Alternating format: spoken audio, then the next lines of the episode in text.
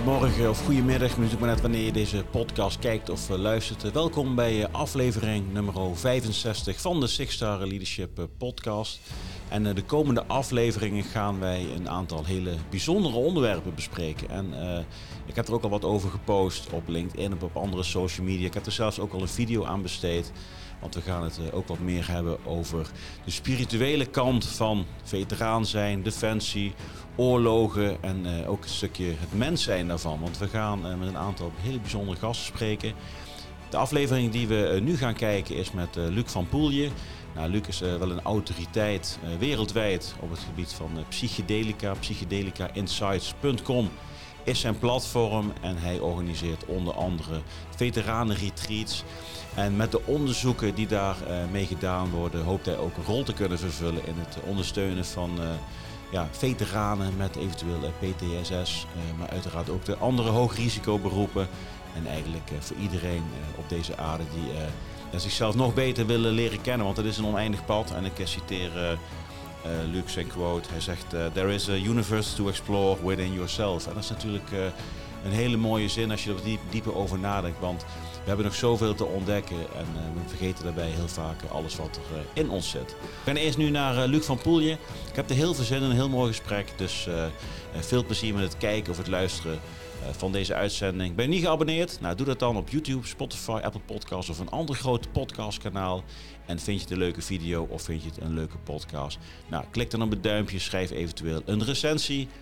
En dan weet je ons volgende keer nog beter te vinden. Nou, snel het gesprek met Luc. Veel plezier zijn geen genieën. Weet je. Het gaat per ongeluk goed en meestal fout. Weet je? En that's the road. Weet je. En hoe we daar vrede mee hebben, ja. hoe makkelijker het is. Weet je. Dat is leven. Dat denk ik wel, ja. Maar je moet het hercategoriseren, weet je. Mm. Ik, uh, heel veel mensen denken in, oh, dat heb ik goed gedaan, dat heb ik niet goed gedaan.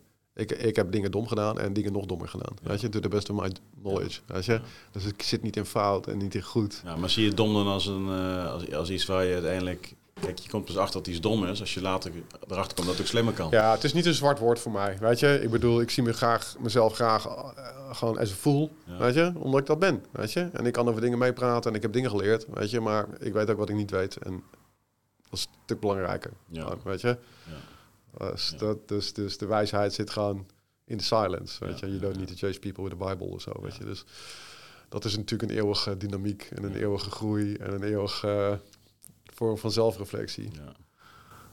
ja. Zo lekker beginnen, Luc. Ja, man. ik, uh, je hebt al een paar dingen gezegd waar ik op aanga. Die heb ik ook opgeschreven. Dat is heel, heel, heel leuk. geef het de kijkers, kijkers, uh, luisteraars. Uh, welkom bij een nieuwe aflevering van de Sixer Leadership Podcast. Normaal doen we dat op vrijdagochtend, want dan hebben we altijd mooi weer. Nou, we doen het vandaag op donderdagochtend. En ook vandaag schijnt de zon de studio in, dus dat is hartstikke fijn. Uh, vandaag een hele bijzondere gast. Uh, waarom bijzonder? Ik zeg altijd, elke gast is bijzonder. Maar de komende afleveringen wijken we wat af van het uh, traditionele Sixta Leadership pad. En gaan we wat meer op zoek naar, naar, naar verdieping, naar spiritualiteit. naar achtergronden wellicht van, van mensen die bij Defensie hebben gezeten. En dat ga ik in eerste instantie doen met mijn gast van vandaag, Luc, Luc van Poelje. Dank je. Welkom Luc. Leuk hier te zijn. Leuk hier te zijn. En de zon schijnt. De zon schijnt. Ja, die, die Van donderdag. Die heb, heb, jij meegenomen. Weet je, want morgen hebben we een regendag. Oh. Dat heb jij natuurlijk gezien weer online. Daarom heb ik die afspraak geswitcht. naar donderdag. Anders kost, ik denk, anders kost de intro niet meer. ik denk Romeo Delta. Ja, ja, leuk, leuk, dat je er bent. Uh, jij, jij, hebt ook een, uh, een, een ver verleden als, uh, als marinier. Ja. En tegenwoordig doe je totaal andere dingen. En ik, het lijkt me heel mooi om, om tijdens dit gesprek is gewoon zonder draaiboek is te kijken wat we kunnen aanraken, zowel vanuit Defensie, maar ook met name van wat je nu allemaal aan het doen bent. Mhm. en, en het kan zomaar zijn dat er ook dingen samen aan het komen zijn op dit moment. Ja, ik, ergens ligt het heel dicht bij elkaar voor mij, zeg maar. Zo, zo maar in de universiteit en wat ik nu doe. Het zijn allebei uh, extreme vormen van jezelf leren kennen. Mhm. en, en echt, ja, ja, durven wat je kan of, of meer durven dan je normaal doet, weet je. En, en bij de mariniers was de reclameslogan je grenzen verleggen. Nou, daar, daar, daar, daar, daar uh, die schade heb ik nog steeds. Ja. je grenzen niet kunnen aangeven, want je kan alles aan. Uh, zijn er grenzen? Ja, ja, grenzen van comfort, hè. Maar dat, dat snappen wij niet. Weet je, grenzen zijn voor mij als het licht uitgaat. Mhm. Dus uh, werken was een missie en mijn lichten gingen uit toen ik echt gewoon in een vette burn-out kwam. Wel na jaren, maar wel na jaren, elk, elk uur in die missie. Mhm. Mijn bedrijfsmissie, weet je. Maar, uh, dus daar liep ik weer tegen die grenzen aan. Zo van, oké, nu zegt mijn lichaam en mijn geest gewoon, uh, je kan de boom in, we kappen Mhm. ermee.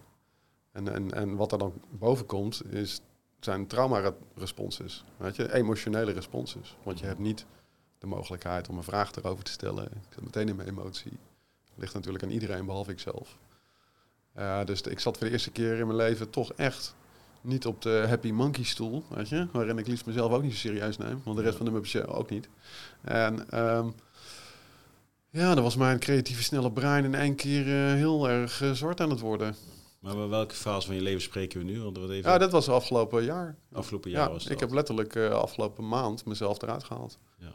Door eindelijk gewoon ja, to walk my walk. Weet je, ja. wat ik doe en wat ik lever aan dienst, dat, dat, dat moet ik doen. Weet je, en, en dat was dat was ik kwijtgeraakt door te veel werk. Weet je? En, uh, en het is fijn als je werkt met resultaat. Weet je? Mm. En, uh, ja, je had natuurlijk uh, aan het einde van de maand aan de horizon de stip de podcastopname. Dat heeft natuurlijk wel meegeholpen. Daar heb ik zo naartoe geleefd.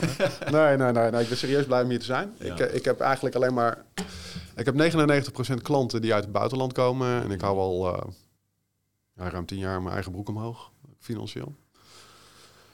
Um, en wat ik doe, uh, mijn bedrijf, met een fantastische groep mensen, wij, wij doen de psychologische begeleiding van uh, psychedelische truffelervaringen met hoge doses. En ik was vroeger gewoon straight as fuck, weet je. Ik was alleen maar hardlopen, grote mond, bier drinken en uh, ja. Mariniers, mariniersleven. Ja, ja, een beetje wel, ja. weet je. En, en ik had wel een soort van mind over matter les Weet je, dat, uh, dat, dat opgeven, dat, dat, dat, dat, dat is een beslissing. Hoef je niet te nemen. weet je? En die had ik vaak niet genomen tot letterlijk de lichten dan uitgingen. Weet je? Dus over grenzen gesproken, daar, daar lag dan mijn grens. Um, en ik had echt nooit drugs gebruikt. Ik bedoel, in Curaçao, daar was vrij veel drugs als in coke aanwezig en zo. Weet je? En daar had ik eigenlijk nooit interesse in. Wel, welke jaren spreken we? Dat was in 92. Ja, begin, ja. begin jaren. Maar dat is, nog, dat is nog steeds zo. Als je daar een taxi in stapt, dan ligt daar van alles. Maar daar, daar had ik me nooit echt mee bezig gehouden. Interesseerde me niet. Mijn vrienden zeiden ook van, ah Luc, dat heb jij niet nodig. Weet je? En, uh, dus het lag altijd ver van mijn bed. Weet je? Uh, ik kom ook uit een defensienest. Een hele lieve vader. Weet je, maar die wonen, we wonen in het buitenland. En die, dus dat was ook niet van, oh de jaren zestig. Weet je? Nee, dat was niet op de radar. Maar toen ik later, ook na mijn diensttijd, gewoon meer soort van unicorn mensen in mijn vriendenkring had, daar voelde ik me altijd wel bij. Weet je, en dat waren toch meer mensen met een horizon of een leven of een ander pad, of ook een ander avontuurlijk pad dan ik bijvoorbeeld had. Uh, wat is een unicorn mens? Nou, lui die uh, een hele andere opvoeding hebben gehad dan ik bijvoorbeeld, een vriend van me. En uh, ja, die heeft later gewoon de motor gepakt ja, eerst ging hij studeren en toen dacht hij ook wel, fuck this, weet je. En uh, die is zijn motor gepakt en naar, naar, naar Kenia gereden, uh, de boot gepakt, in India geweest, een half jaar uh, voor een, een weeshuis gewerkt. daar ook absurde dingen gedaan, door, met motors door wijken en crossen. En uiteindelijk ja. liftend is hij dan teruggegaan naar Nederland en daarna is hij naar Curaçao gegaan en werkte hij ook volgens mij in een weeshuis. Mm -hmm. Een hele jonge vent gewoon, een hele sportieve vent. En die kwam ik dan tegen op een zeilschip waar ik dan later ging werken. Weet je, dus ja, op die manier, weet je. En dan kwam je andere mensen tegen die ook gewoon uit hun comfortzone stappen. En ik ging ook maar met 400 gulden gewoon naar Curaçao. Ik, nou, ik ga het wel redden, weet je. Water trappelen of zuip. we komen er wel achter, weet je. En uh, dus toen, uh, ja, dat, dat, dat soort acties zat ik vol van, weet je. Dus naar de basis. Maar je, maar je zei net voor, in ons voorgesprek al met een bakje koffie al van... Nou, je, weet je, wel, je, je, je bent vaak de mensen waar je mee omgeeft. Of je, je, ja, je, bent je, je, je, wordt, je, wordt, je wordt je omgeving. Je wordt je omgeving. Ja, is is het dan zeg maar ook een mooi voorbeeld van... Nou, ik ben bepaalde mensen tegengekomen. en daardoor ben ik me daar ook naar gaan vormen. Ja, ja it rubs off. Hè? Ja, tuurlijk. Ja, dat is, uh, dat is een, uh, een positieve besmetting. Gewoon van mensen hun energie. Mensen hun inzichten. Mm. Kunnen anders zijn dan die van jou. Weet je? Maar, maar entertain the thought. Weet je? Ik denk dat dat is hoe je ruimer in de wereld kan staan. Want jij hebt jouw levensvisie en waar is die op gebaseerd? Alleen je eigen mening of ook de ideeën van anderen? Weet je, het is toch interessant. Uh, over, over, over hoe, hoe, hoe we in het leven staan. En, en waarom voel ik me zo? En, en, en wat is dit? En hoe, mhm. wie ben ik? Weet je, uiteindelijk zijn dat vragen waar heel, heel veel mensen mee kampen. En uh, toen ik later dus toch wat ervaringen kreeg uh, met één keer ecstasy, ook via oud-Jan Kaas, oud-marinier. Uh, nou, het ging wel even een wereld voor me open. En ik zou zeggen, ik, ik, heb, ik heb niet echt PTSS gehad, maar I was switched on, weet je. ik denk van, nou, als er weer een gekkie komt, ja, dan moet ik het weer gaan oplossen, weet je. Dus op die manier zat ik wel zo met, met, met mijn cape altijd om, zo van, nou... Als, als erfenis van je... Ja, dat denk ik wel, weet je. Dat ik het weer moet gaan fixen of uh, dat ik uh, iets moet gaan doen, weet je. Uh, en dat verdween gewoon terstond. En ik zag dat gewoon als een muur omrollen. Want we wordt echt zo getraind, zo van waar komt de dreiging vandaan, weet je? Nou ja, op een gegeven moment laat je dat niet meer los. Zeker niet hoe mm. dat in je, in je mind gegraveerd wordt met slaapgebrek en drills. Dus dat neem je gewoon mee, weet je? En dat is niet heel handig. Dat is heel handig als je misschien in een gevangenis gaat werken, weet je, of heel erg alert moet zijn. Maar het is niet handig als je een leuke vader wil zijn. Weet je, of een leuk, fijn, warm persoon. Weet je, die trigger is nodig als het een trigger moet zijn. Weet je, en dat zwart-witte denken, dat het on or off, ja, dat zijn structuren die zitten ook in mijn brein nog uit die tijd.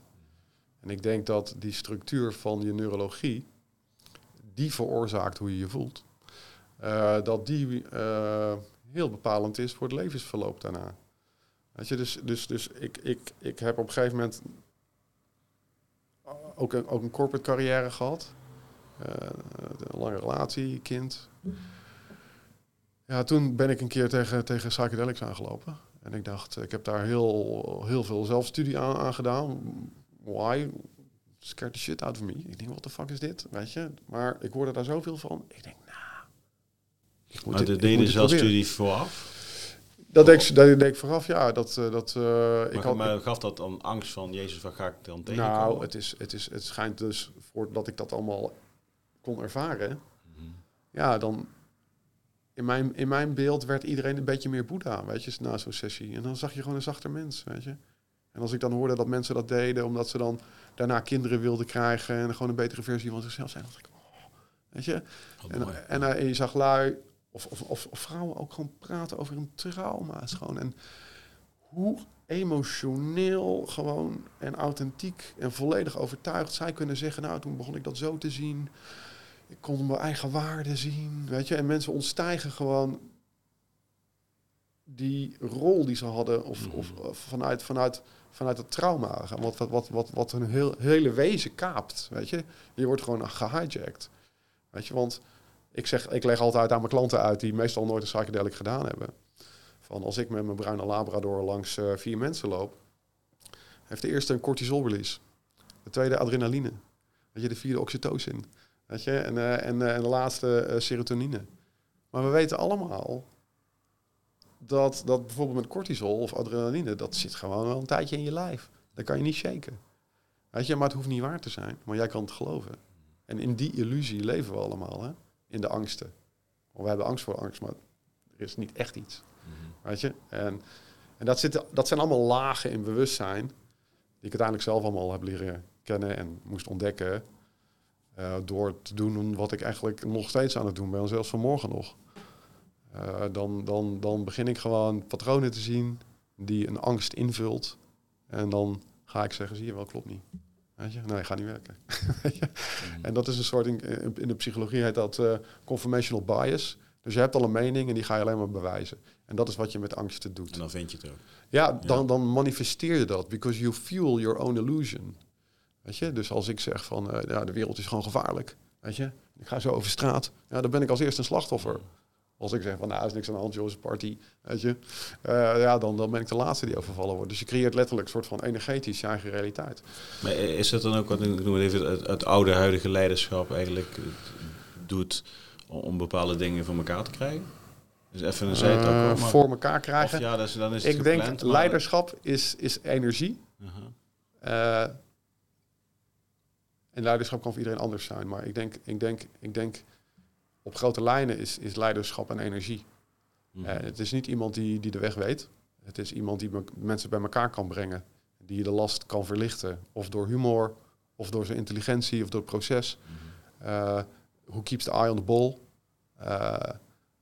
en ook, ook, ook, ook, ook die mensen, het moet een mensenmens zijn. dus, dus het gaat er niet om dat, dat, dat, dat, dat ik een kunstje kan. Um, een technisch kunstje en dat honderd keer verkopen aan een bedrijf. Leiderschap is je persoonlijke ontwikkeling. Want het ligt niet aan jouw team. Als je van ja, dat was een kutbedrijf, ik kon echt met niemand opschieten. Echt. weet je? Elk bedrijf is een kutbedrijf en dan kan je met niemand opschieten, weet je? Dat, dat, dat, dat, dat, ja, dat ga je tegenkomen. Je gaat je eigen patronen tegenkomen.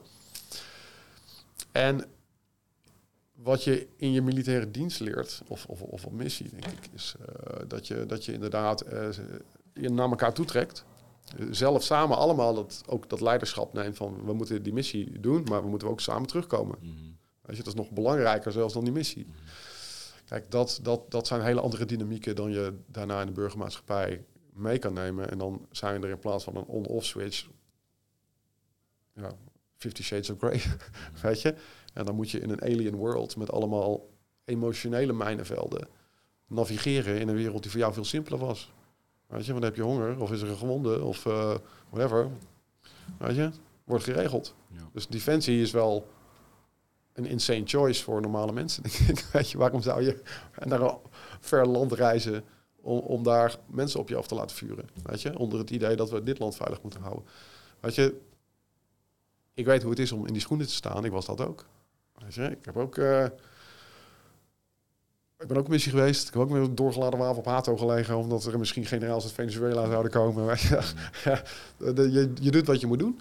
Uh, en ik weet zeker ook dat, dat ik ben nooit in, in een echt vuurgevecht geweest met, met een wapen. Wel, wel in Turkije zelf, weet je. Uh, en ik ben eigenlijk, eigenlijk, eigenlijk heel, heel blij om. Weet je, ik ben eigenlijk, ik luister naar jouw verhaal, weet je. Mijn hart zakt gewoon, weet je. Ik ben eigenlijk heel blij dat ik gewoon een hele blije aap heb kunnen zijn. Mm Weet je, want ik heb gewoon de krenten uit de pap gepikt. Weet je, met mijn met, met, met, met, mijn kleine swinging dick. Ik voelde me helemaal een tieners. Mm Weet je, omdat ik fysiek wat kon. Omdat ik gewoon hier gewoon, gewoon misschien wat meer wilskracht heb. Weet je, of dat ik hier misschien iets meer een gezonde kastje heb. Weet je, het betekent helemaal niks. Het is gewoon een lege huls, want ik wou wat zijn en nou, dan werd ik dat. Weet je, part of the Muppet Show. Het begin van je leven is mooi als je trots kan zijn op jezelf. Maar je moet hier ook leven. Weet je, dus als je maar, als je, eh, wat je net ook aangaf, um, uh, je, je, ging uh, je verdiepen in truffels. Ja. Je ging je inlezen, je ging ja, daarin ja. expert worden. Als je helemaal heel veel leest en, en je, je leest meer als de ander en je gebied ja. je, word je ervaringsexpert, dan word je een expert, zeg maar. Of ervaringsdeskundige. Um, is het dan ook zo dat, dat je zei van, nou, je hebt een hele mooie zin ook op je website staan, there is a universe to explore within yourself. Ja is heel mooi, want ik, ik, ik, ik heb op mijn website staan, jezelf steeds beter leren kennen is een oneindig pad. Ja, dat is een oneindig pad, ja. En dat stopt ook nooit. Nee. Uh, is dan juist die zoektocht naar binnen essentieel om uiteindelijk uh, jezelf echt te gaan leren kennen? Uh, ja, ik, dat is waar, denk ik. En, maar ik meen het ook nog een stuk meer letterlijk. Mm -hmm. Zonder jouw hersens is er geen temperatuur. Zonder, zonder jouw hersens is er geen licht. Zonder jouw hersens is er geen gehoor. Zonder jouw hersens bestaat deze tafel niet. Maar als jij ver naar binnen gaat mhm. en je kijkt in die spiegel, dan zie je eerst je ego, je naam, je geboorte, whatever, je familie, je psychologie, die, die ingewikkelde knoop waar we nooit uitkomen. Maar kijk je dieper in de spiegel, ja, dan, dan daar stopt wat, wat, wat psychiaters en, en psychologen normaal doen. Uh, en daar begint waar allerlei oude geschriften over bestaan. Waar allerlei filosofen of uh, goeroes over praten. En dat is eigenlijk de wereld voorbij de stem. De wereld voorbij de mind. En dat is ja, meer een spirituele ervaring. Dan zit je meer op zielsniveau, als je het zo wil noemen. Of op hartniveau. Want het hart heeft geen mening, dit heeft een mening. Dat hart heeft geen twijfel, dit heeft een twijfel. Dus over een heel leven heb jij allemaal diepe overtuigingen die je allemaal veilig gaan, gehouden hebben. En die je jezelf bent gaan vertellen uh, door bijvoorbeeld een afwezige vader. Dan ben je de liefde niet waardig. Bijvoorbeeld, weet je? Dan, zet, dan zet je dat in je neurologie. Dat zijn dan overtuigingen, die, die, die hebben je hart niet, maar die, maar die hebben je hersens wel. En als jij later gewoon van A naar B wil komen, dan kom je steeds bij C uit. En waarom is dat? Omdat iedereen zichzelf saboteert. Iedereen is zichzelf hun ergste vijand. Weet je, eh, oh als ik niet naar de mariniers was gegaan, omdat ik dacht dat ik het niet, misschien niet kon halen, ja, dan had ik het nooit gehaald. Weet je, en dan was die angst ook echt geweest, want dan had ik het niet gehaald. Mm. Weet je, en als ik gewoon of met, eh, met een paar honderd euro op een vliegtuig stap, of, eh, of, of na een paar flessen wijn de volgende dag mijn baan opzeggen om dan een bedrijf te beginnen zonder enige reserve, alleen met een idee. Vergt dat domheid en enthousiasme en passie. eh, die bij mij hand in hand gaan, weet je, daarom dat ik mezelf gewoon een voel, weet je. ik heb niet, omdat ik er ook om kan lachen, gewoon, Ja. weet je. En, en You need to be a fool to be different. nou ja, ja, ik denk dat iedereen uniek anders is. Mm. Weet je, dat maakt de, de ervaring mooi. Want voorbij die, voorbij die ziel eh, ja, gaat het nog dieper. Maar, maar eh, zeg je dan, eh, kijk, eh, eh, hersens zijn nog steeds fysiologisch. Eh, ja, Is het dan nog een stap Ja. dieper daarin? ja, ja, ja, Ik, ik sprak natuurlijk met jou voordat over dat ik bij Baron Katie was geweest. ja, Die zegt dus ook van, eh, who would you be without your story? ja. En, en, en die story is dan eigenlijk alles wat ik ingeprent heb in mijn hoofd. ja, ik ben dit, ik ben dat, en ik dat, dat leidt gedaan, dan dat alles in mijn gedachten wat ik doe. Ja. Dit gaat dan nog een stap verder. Ja, nou, zo'n Vipassana is mooi. Vipassana is mooi, weet je. En zoals een klant eergisteren zei, of een vriendin van me, die, die, we- die we guiden. En die heeft gewoon een stem die niet ophoudt. Die heeft overal negatieve commentaar op. Weet je? Stem. Hou alsjeblieft je kop. Weet je? Hou alsjeblieft je kop. En dat is gewoon heel zwaar. Weet je, dat zit echt in je neurologie. Dus je kunt je neurologie kalmeren. Weet je, met mindfulness en, en de overtuiging ook, het is niet waar. En dat een keer helemaal laten uitlullen en alles gewoon onderzoeken in de Vipassana is echt, echt krachtig, petje af. Ik heb dat nog niet gedaan. Maar in zo'n psychedelic, dan eh, zie je, je je subconscious narrative, dus het verhaal wat je je bent gaan vertellen naar een trauma.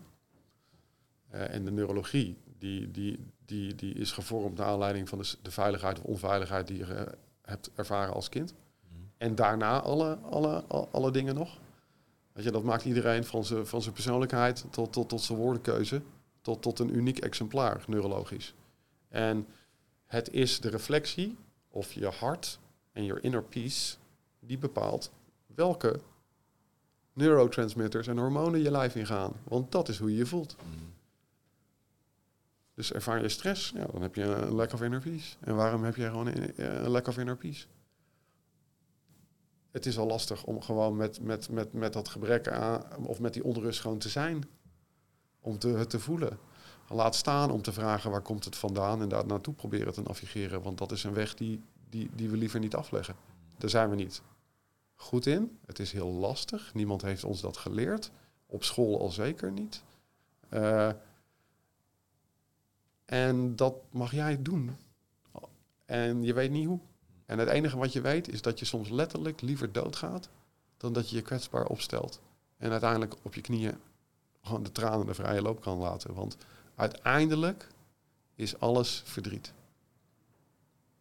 Dus die muur tussen ons hart en ons verdriet, ja, die, die kan worden gesmolten of verkleind eh, met, met psychedelics.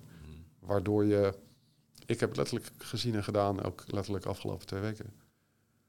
Je, Ik zag in die, in, die, in die kwetsbare stand, waarin ik eigenlijk helemaal al, mijn, al, mijn kracht kwijt was. Weet je, dan was elke feedback was negatief en opmerkingen. En dat voelde gewoon als harde golven die er tegenaan slopen. En die sloegen me echt uit het lood. En nu voel ik nog steeds de triggers, weet je. Maar er wordt een golf heel rot onder me door. En weet je, dan, dan krijg je neurologie. Net als dat je een comfortzone hebt en je gaat eruit. Dan moet je zorgen dat je niet op je kop getikt wordt als je eruit gaat. Maar dat het steeds een positieve bevestiging is. Weet je, dan zie je wel, het is niet waar. Mhm. Ben ik er 100% zeker van, het is niet waar. Weet je, dan kalmeer je je neurologie. En, en dat is de weg. Dat is de weg naar, naar zachtheid met zelfvertrouwen. Dat is de wacht naar inner peace en, en geduld. Eh, alle zachte eigenschappen die je als leider nodig hebt om je rust uit te stralen en het vertrouwen te geven wat het team nodig heeft. Mhm. En dat is een hele persoonlijke weg, want die is voor iedereen anders. Maar er zitten kenmerken in waarin iedereen trauma's heeft. Ik dacht, ik ook niet. Ik dacht, ik heb geen trauma. Ik weet niet waar het vandaan komt. Ik heb een blij jeugd gehad.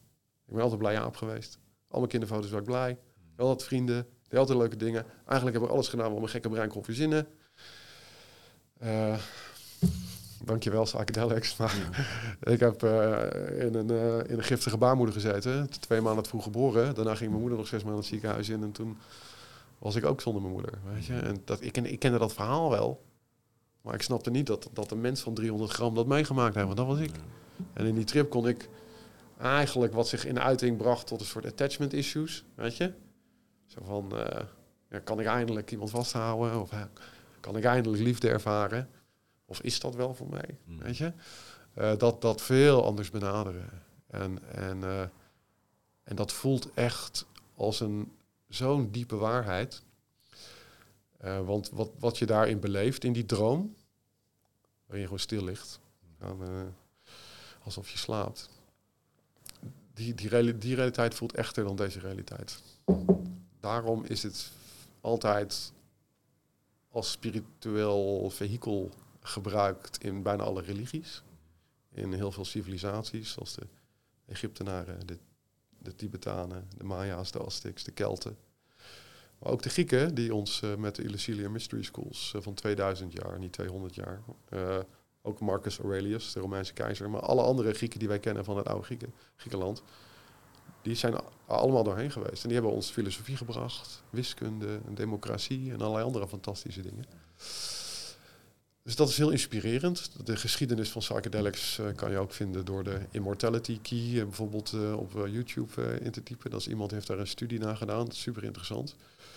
Dus met dat gegeven maakt het voor mij gewoon super interessant to, to dip my toe in. Hmm. What is it all about? Dus dat heb ik toen gedaan. Ik ben... Ga je ook erfelijk dingen uh, zien die uit je familielijn of eerdere levens kunnen komen. Ja, wij hebben 700 mensen gezien uit de hele wereld in high-dose situaties. Wij zien mensen. Voor mij is het de meest normale zaak dat, uh, dat, dat iemand met zijn overleden broer of ouder praat mm. in zo'n trip. Die er gewoon levensecht naast hem staat voor hun gevoel. Weet je? En mensen gaan terug naar hun voorouders. Mensen zien de hele, de hele pijn in de familielijn van de een of van de ander. Weet je? Mensen willen snappen dat dat op hun cultureel wordt overgegeven. Want het DNA-verhaal is uh, 99% uh, poep. Het is de cultuur waarin je opleeft. Het zijn de, de, de, de schilden die je defensief moet, uh, nodig hebt om in die environment te leven. Weet je, dat geef je gewoon weer door. Daar is niet per se iets mis mee. Tot je daar bewustzijn op krijgt en denkt van, nou, ik kan ook liever zijn. Weet je. Uh, en dat je niet hoeft te schreeuwen om dingen gedaan te krijgen. Weet je, hele simpele dingen. Dat, weet je. ja, ja. En, uh, niet, dus, niet, iedereen begrijpt een ex-militair of een nee, oud-militair. Nee, nee, dus, nee. Ja. dus die, die ervaring voor mij was... Ik had al een paar keer paddo's gebruikt, maar meer voor feestjes. Of dan nodigde iemand me uit en denk oké, okay, let's do this, weet je. En voor mij voelde het af en toe ook als een hartopening, weet je. Dus ik vond, vond het echt zo... Uh, ik kon het wel waarderen. Um, maar toen, toen maakte ik de echte stap. En dat was bij een, uh, bij een ayahuasca-ervaring. Ik kende dat niet. Iemand had me dat omschreven. En dus ik dacht, iemand kijken van wat. Er is een druk. Die komt uit Zuid-Amerika, Midden-Amerika. En die, die maakt mensen beter. Die, maakt, die geeft mensen inzichten. Die, die, die heeft allemaal positieve bijwerkingen. Die geeft mensen spiritueel inzicht. Je verliest de angst voor de dood. Ik denk, ik kon het allemaal niet geloven. Weet je. Ik nou, dat kan niet, dat kan niet waar zijn. Weet je, ik, ik woon ook in Amsterdam in de jaren tachtig. Weet je? Echt, elke metrostation, weet je, onder de spuiten, elke auto ingeslagen ruiten, van dat ze een autoradio konden jatten. Weet je, drugs hadden bij mij geen goede naam. Ik was er, ik, ik, kende, ik kende lui die gewoon uh, drugs gebruikten of eraan verslaafd waren, zoals heroïne. als zoon van een militair. Ja, dus dat was dus echt zo van, nou, het is niet voor niks dat ik daar niks mee mond weg. Weet je, wegwezen. Plus ik was echt gewoon een mind over met een gast, weet je. Ik had een gezond kostje. Ja, ja, ja. en, uh, en uh, dus uh, ja, toen heb ik me gewoon mijn verstand op nul gezet, waar ik echt heel goed in ben. Dan is het gewoon stil. En dan loop ik gewoon naar voren. En dan blijf ik gewoon ademen. En dan I just go with emotions, weet je. Mm. Dan doe ik daar, dan I'll show up. En, en ik ervaar dat. Nou, dat was een ervaring. Ik ben inmiddels een stuk wijzer over wat die ervaringen kunnen inhouden. En dat elke ervaring anders is. Maar die eerste ervaring van mij, jongen, ik heb twee jaar moest ik bijkomen van die ervaring. Mhm. Ik was echt zo gegrond en eh, overtuigd. Those who know least are most convinced of it. En dat heeft mij filosofisch zo geraakt over de aard van de realiteit en bewustzijn. Dat het allemaal waar is wat ik allemaal had onderzocht, weet je. Want tot je dat beleeft als een mier in een kathedraal, Mhm. eh, met ja, barmhartige entiteiten die je gewoon als, for lack of a better word, een god zou kunnen noemen, weet je. Nou, toen dat echt werd. En ik, ik mezelf zag vanuit eh, de lelijkst, mijn lelijkste kant, weet je. De vriendin van toen zag ik mezelf helemaal zo, we- we- we- we- we, weet je. Waarom moet je zo'n lul zijn, weet je. Je hebt al zo'n zo'n harde bek, weet je. En eh, dat raakte me zo, dat oh, ik kan nooit meer lelijk zijn tegen haar, weet je. Dat heb ik niet nodig, weet je. En, eh, en ik had heel veel frustratie en ik was heel erg boos. Maar echt over alles. Over de fucked wereld die alleen maar verdient dat wij gewoon eh, thuis opgesloten zijn, vol spuiten moeten kopen. Jij weer naar Oeroesgan toe moet omdat er lithiummijnen zijn. Weet je, het feest gaat maar door. Weet je, het houdt niet op. Weet je, mensen worden niet beloond voor zorg. Want die moeten gewoon de, eindjes in elkaar knopen. Maar als jij als psychopaat mensen gaat lopen bellen om een spaargeld af te troggelen om te gaan beleggen met een slecht verhaal, dan rij je in een Ferrari, weet je. Ik zag zoveel ongelijkheid, weet je. En, nou ja, long story short, eh, hebben maar een paar uur. Mhm. Eh, eh, ben ik daar ook mijn woede in, in kwijtgeraakt. In een levensechte situatie voor mijn gevoel. Ik zat letterlijk op, op, op het strand in het water. En ik moest het water slaan. En ik zat daar letterlijk. Ik, ik, ik zie mezelf nog zitten, joh. Weet je? En ik moest het water slaan. En ik had ook een soort perspectief op mezelf. Ik zei, ja, doe maar. Weet je? En ik mocht niet stoppen. Tot ik echt gewoon een wet noodle was. En ik kon niet meer. Nou, toen was het weer, woep, next scene, weet je. Als, eh, en toen zat ik, eh kwam weer, weer iets anders aan bod, weet je. Ik, ik ging erin omdat ik afwouw voor de angst voor verlies van controle. Waarom een angst? Omdat het negatief is. Alles wat negatief is uit deze probleemradar is een angst. Is een anticipatie, is een planning, is een categorisatie, is een labeling. Is een mening. Een mening is ook alleen maar een angst die je niet wil die waar wordt. Eh, dus dat, dat, dat inzicht kwam zo hard binnen. En toen, ja, toen kwam er weer een nieuw hoofdstuk. Weet je, ik werd zo gewoon bij mijn oren gewassen, gewoon bij mijn nekvel gepakt. En er gewoon ingeflikkerd. Ik ben zo gewoon de tumble dryer ingegaan. En de laatste hoofdstuk was, ja, ik kan er nu gewoon, ik kan nu vertellen en dat klinkt als een toilettegeltje. Maar eh, ik moest eh, accepteren dat liefde het, het antwoord was. Ik denk, ja, schattig, weet je. Als je vriendin, als jij als ik boos doe tegen mijn vriendinnetje, dan kan ik lief zijn en dan is het weer goed, weet je zo. nee, maar op alles, op elk niveau, op alles. En ik met mijn creatieve snelle breintje mocht verzinnen waarom dat niet zo was. En dan mocht ik de hele film helemaal gaan uitleven met alle scenario's om maar weer ongelijk eh, eh, te worden bewezen. Mhm. Het brak me bijna helemaal op. Tot dat gevecht uit me was. Dat ego zo klein. En toen brak de hemel los. Creëer het ruimte En- voor en- andere dingen. Hè? Creëer het ruimte. Het creëerde een totaal eh, gewoon andere wereld, jongen. Mhm. Ik, ik heb daar echt twee jaar van moeten herstellen. Kijk, wij, wij, wij, wij, wij, wij, hebben, wij bieden zeg maar gewoon coaching in de, in de weg ernaartoe. Uh, we werken gewoon met, met verdieping, zodat jij snapt dat als je die grond bewerkt, dat dat, dat, dat licht er beter bij kan. Eh, en daarna, hè, want die ervaringen zijn als de, het ontdekken van de uitgang van de grot waarin je leeft. Weet je? En dat voelt letterlijk zo, want dit is onmetelijk. Weet je? En dit is een, een neurologische gevangenis die, waar, waar we vastzitten aan onze overtuigingen en onze definities. Is de aarde onze grot? Nee, de aarde is onze Garden of Eden. In een vast dead universe. En als wij niet bewust zijn van onze bijzondere rol als mens, als venster van bewustzijn, in, in, in, in, in deze onmetelijke dode oceaan van, van space, dan mis je wat. Dan, snap je, dan, dan, dan is het handig als je wil weten waar het over gaat. Dat je ja, niet alleen maar de groep achterna loopt. En dat je voor je eigen pad kiest. En als je zo diep kan door dat aan te raken en, en waar ik mee werk, dat zijn echte power tools.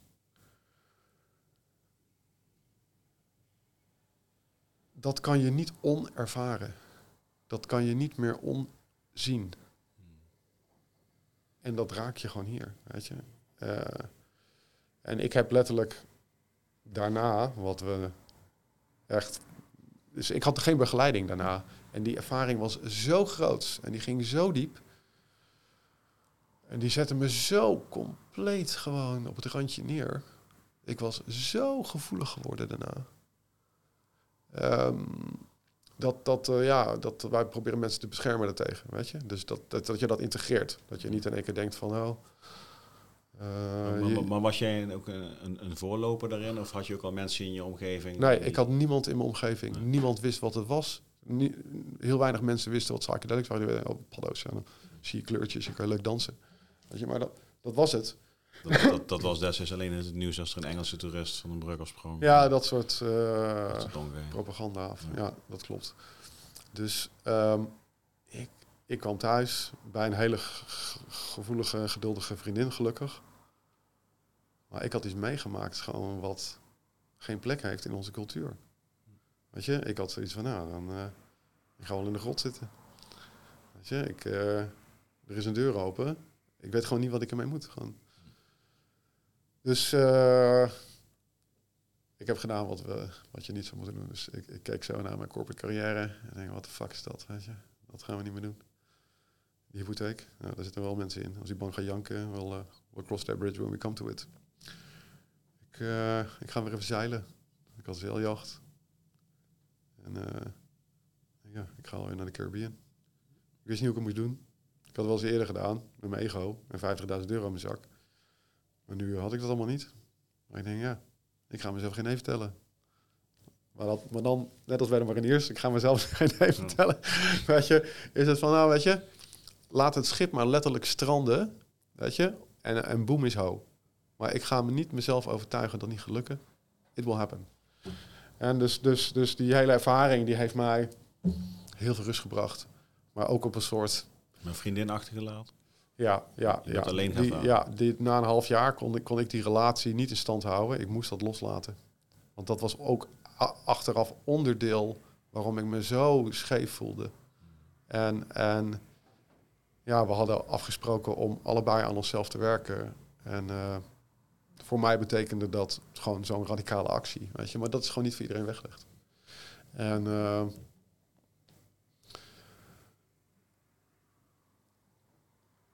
ja, dat was een keerpunt in mijn leven. Gewoon, ah, dus een life before en een life after. Maar ook gewoon de vrouw met, met wie ik gewoon een fantastische dochter heb gekregen.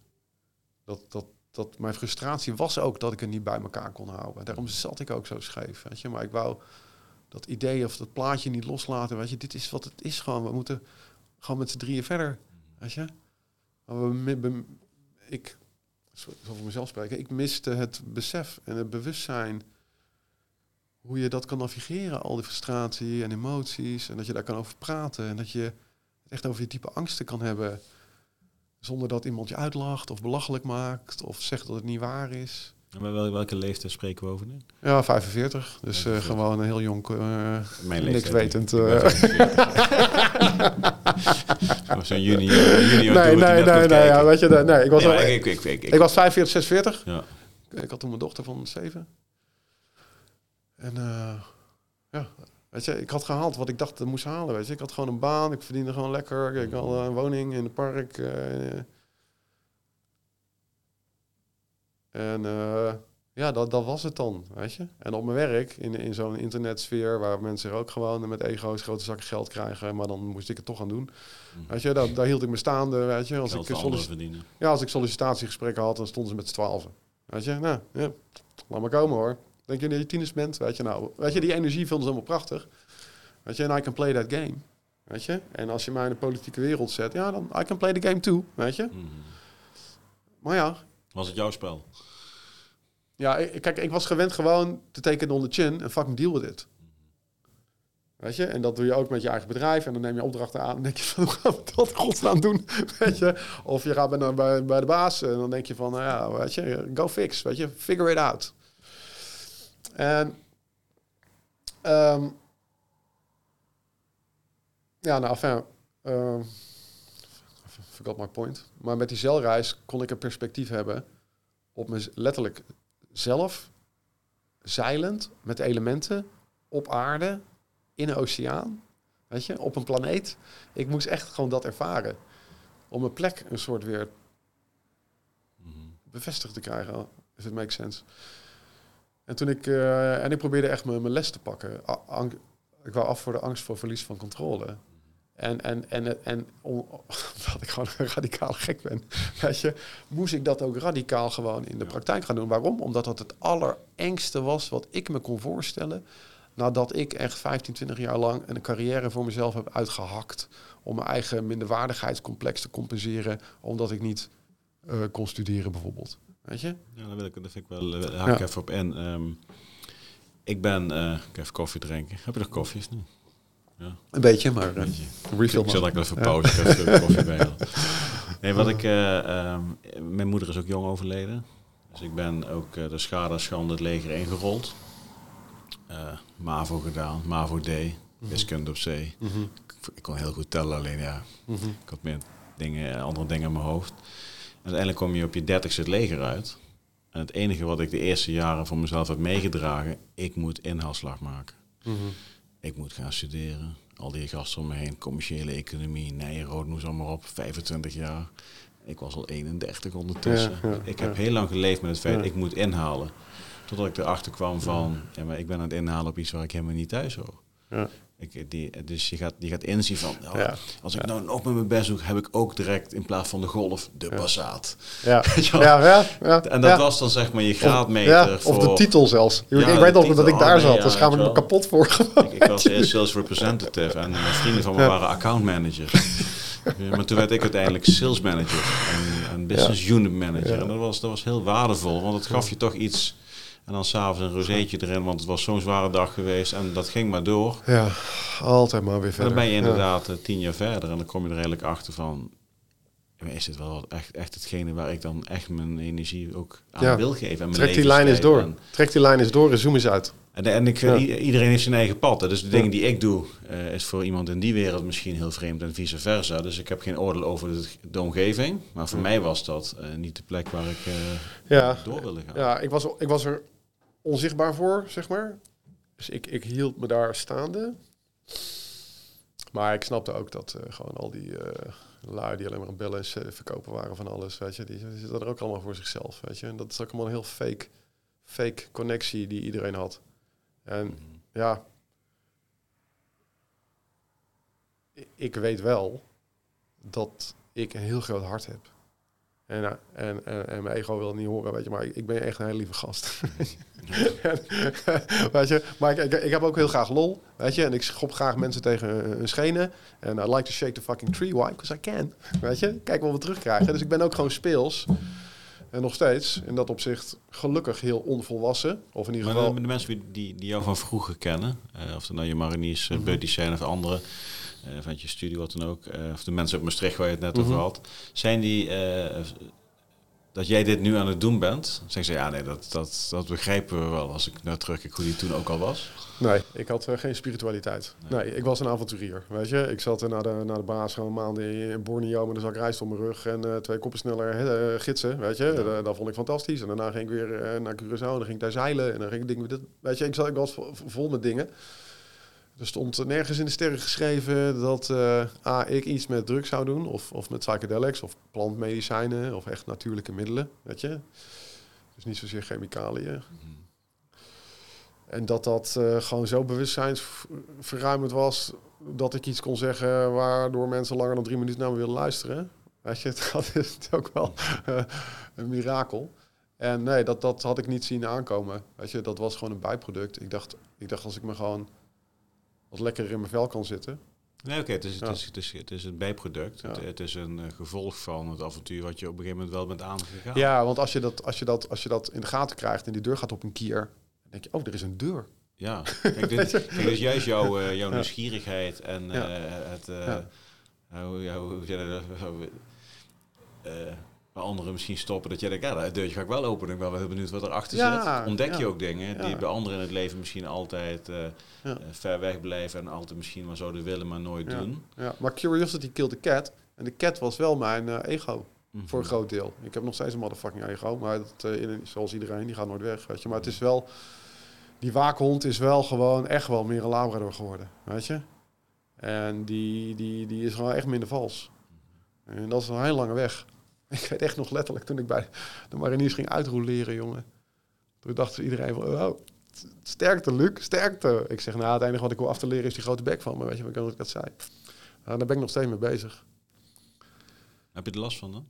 Nee, nou, nou, ik zou graag, ik weet het niet. Kijk, de angst die ik heb is, is dat, dat ik niet energetisch aansluit bij, bij, bij iemand waarbij dat belangrijk is. Weet je? Uh, ik, ik kan... Uh, hoeveloos lullen over, over mijn passie.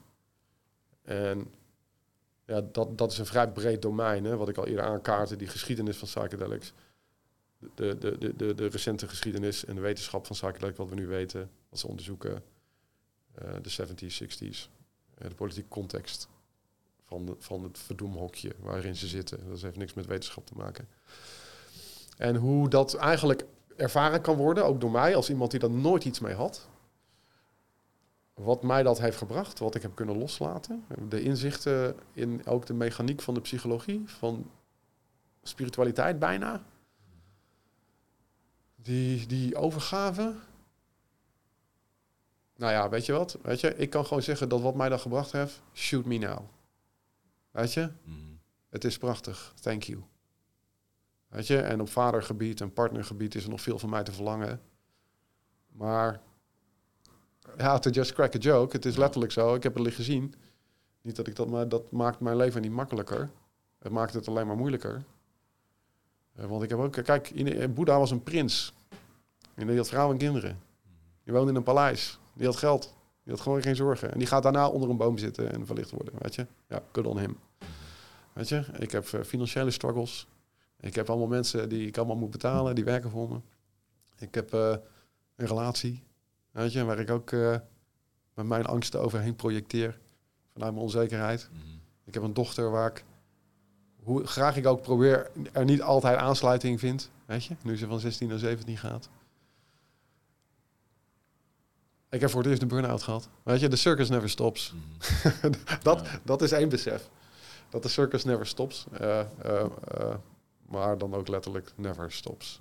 Weet je? Dus die... die, die ja, dus, dus die, uh, die, die, die gaat door nadat we het, het aardse verlaten. Ja. En dan zeg ik van, nou, weet je, ik, wat ik nu tot nu toe al ervaren heb hier in dit lichaam, ja, ja. Uh, is voor mij al dusdanig waardevol en bewust dat een volgende reis me al wel spannend zou, zou lijken.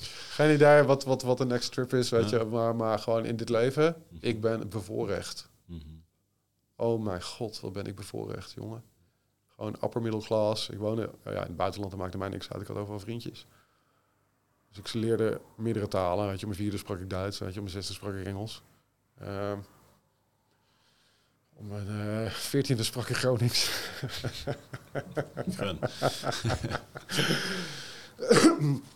um, en, en eigenlijk heb ik alleen maar mijn eigen grenzen moeten verleggen. Mijn eigen angsten moeten managen.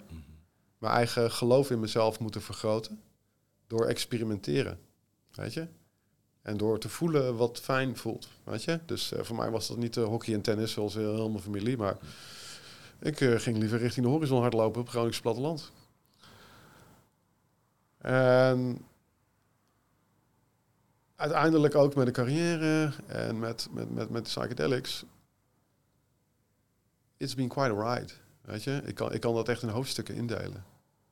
En, en, en mijn ergste trauma's heb ik mezelf godzijdank aangedaan. Mm Weet je, door uh, gewoon een storm in te zeilen van vijf dagen en vijf nachten. Met de horizon die daar was. Weet je? Ik heb mezelf uh, gewoon uh, gekwetst door onmogelijk te zijn in relaties.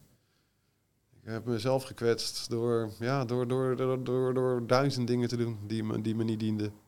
Waar ik gewoon onechte redenen voor had. Weet je, en dat pad, ook in die, ook in die eerste psychedelic, heb ik gezien dat, ja, leuk al die dromen. Je bent leuk, je kan jezelf op de borst slaan en jij hebt al je dromen vervuld. Nou, flinke tieners. Dat zijn allemaal ego-dromen. Wie is daar beter van geworden? Buiten jouw gewonde zieltje, die dacht dat dit allemaal niet kon. Weet je? En toen, toen heeft het echt vijf jaar geduurd voordat ik mezelf gewoon in dienst kon stellen van anderen. Uh, waarin ik eigenlijk ook niets met psychedelics wou gaan werken, maar ik wou ook iets met de inzichten die ik daarvan had gekregen. En, en de conclusies die ik daaruit had getrokken. En hoe het leven liep op een gegeven moment. Dus ik was op een gegeven moment wandelcoach. Ik uh, had ook met Evert Kampert, een hele goede peer, ook bij de mariniers. Uh, die zaten we in één keer in een penitentiaire inrichting in Zeist. Met een soort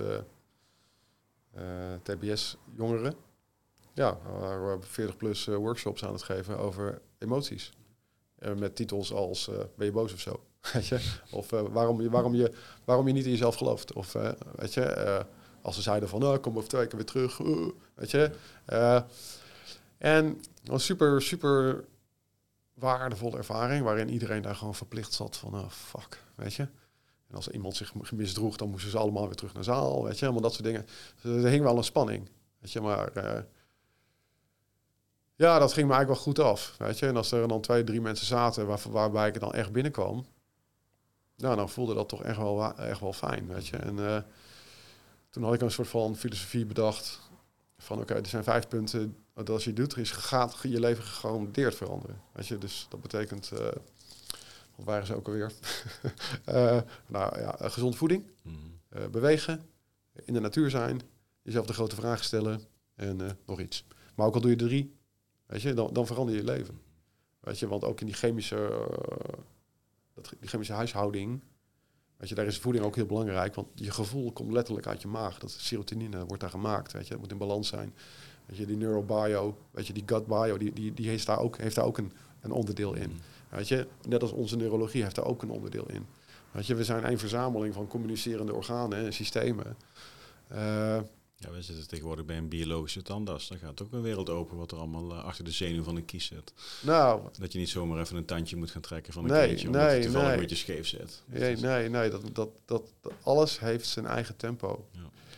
En um, dus, dus ja, hoe bewuster je wordt, hoe bewuster al je keuzes zijn. En als je het hebt over bewust consumeren, weet je, dan, dan denk ik aan nieuws. Want daar krijg je stress van, hè? Uh, als het al waar is. Uh, ja, wat vind je interessant? Waar voed je mee? Lees je boeken? Wat kijk je op het internet of tv? Wat, wat kijk je? Weet je, waar voed je je mee? Uh, wie zijn je vrienden? Wat, weet je, hoe is je ervaring daarmee? Wat is je sociale kring? Hoe is je relatie? Al die dingen die zijn belangrijk, want je wordt je omgeving. Als dat allemaal high achievers zijn, ga jij het ook redelijk doen. Als, je, als die allemaal half in een dip zitten, nou, dan is het heel lastig om zelf een beetje daaraan te ontworstelen. En uh, het vertrouwen te hebben om een bedrijf te beginnen. Of iets voor jezelf te doen. Dat is wel belangrijk om te vragen, high achievers en wat? Ja, nou ja, laten we, als, uh, noem maar wat, weet je. Als je een bedrijf hebt en uh, je kunt gewoon je gezin goed onderhouden en je hebt blije klanten, nou, dan doe je het hartstikke goed, toch? Ja. Weet je, dus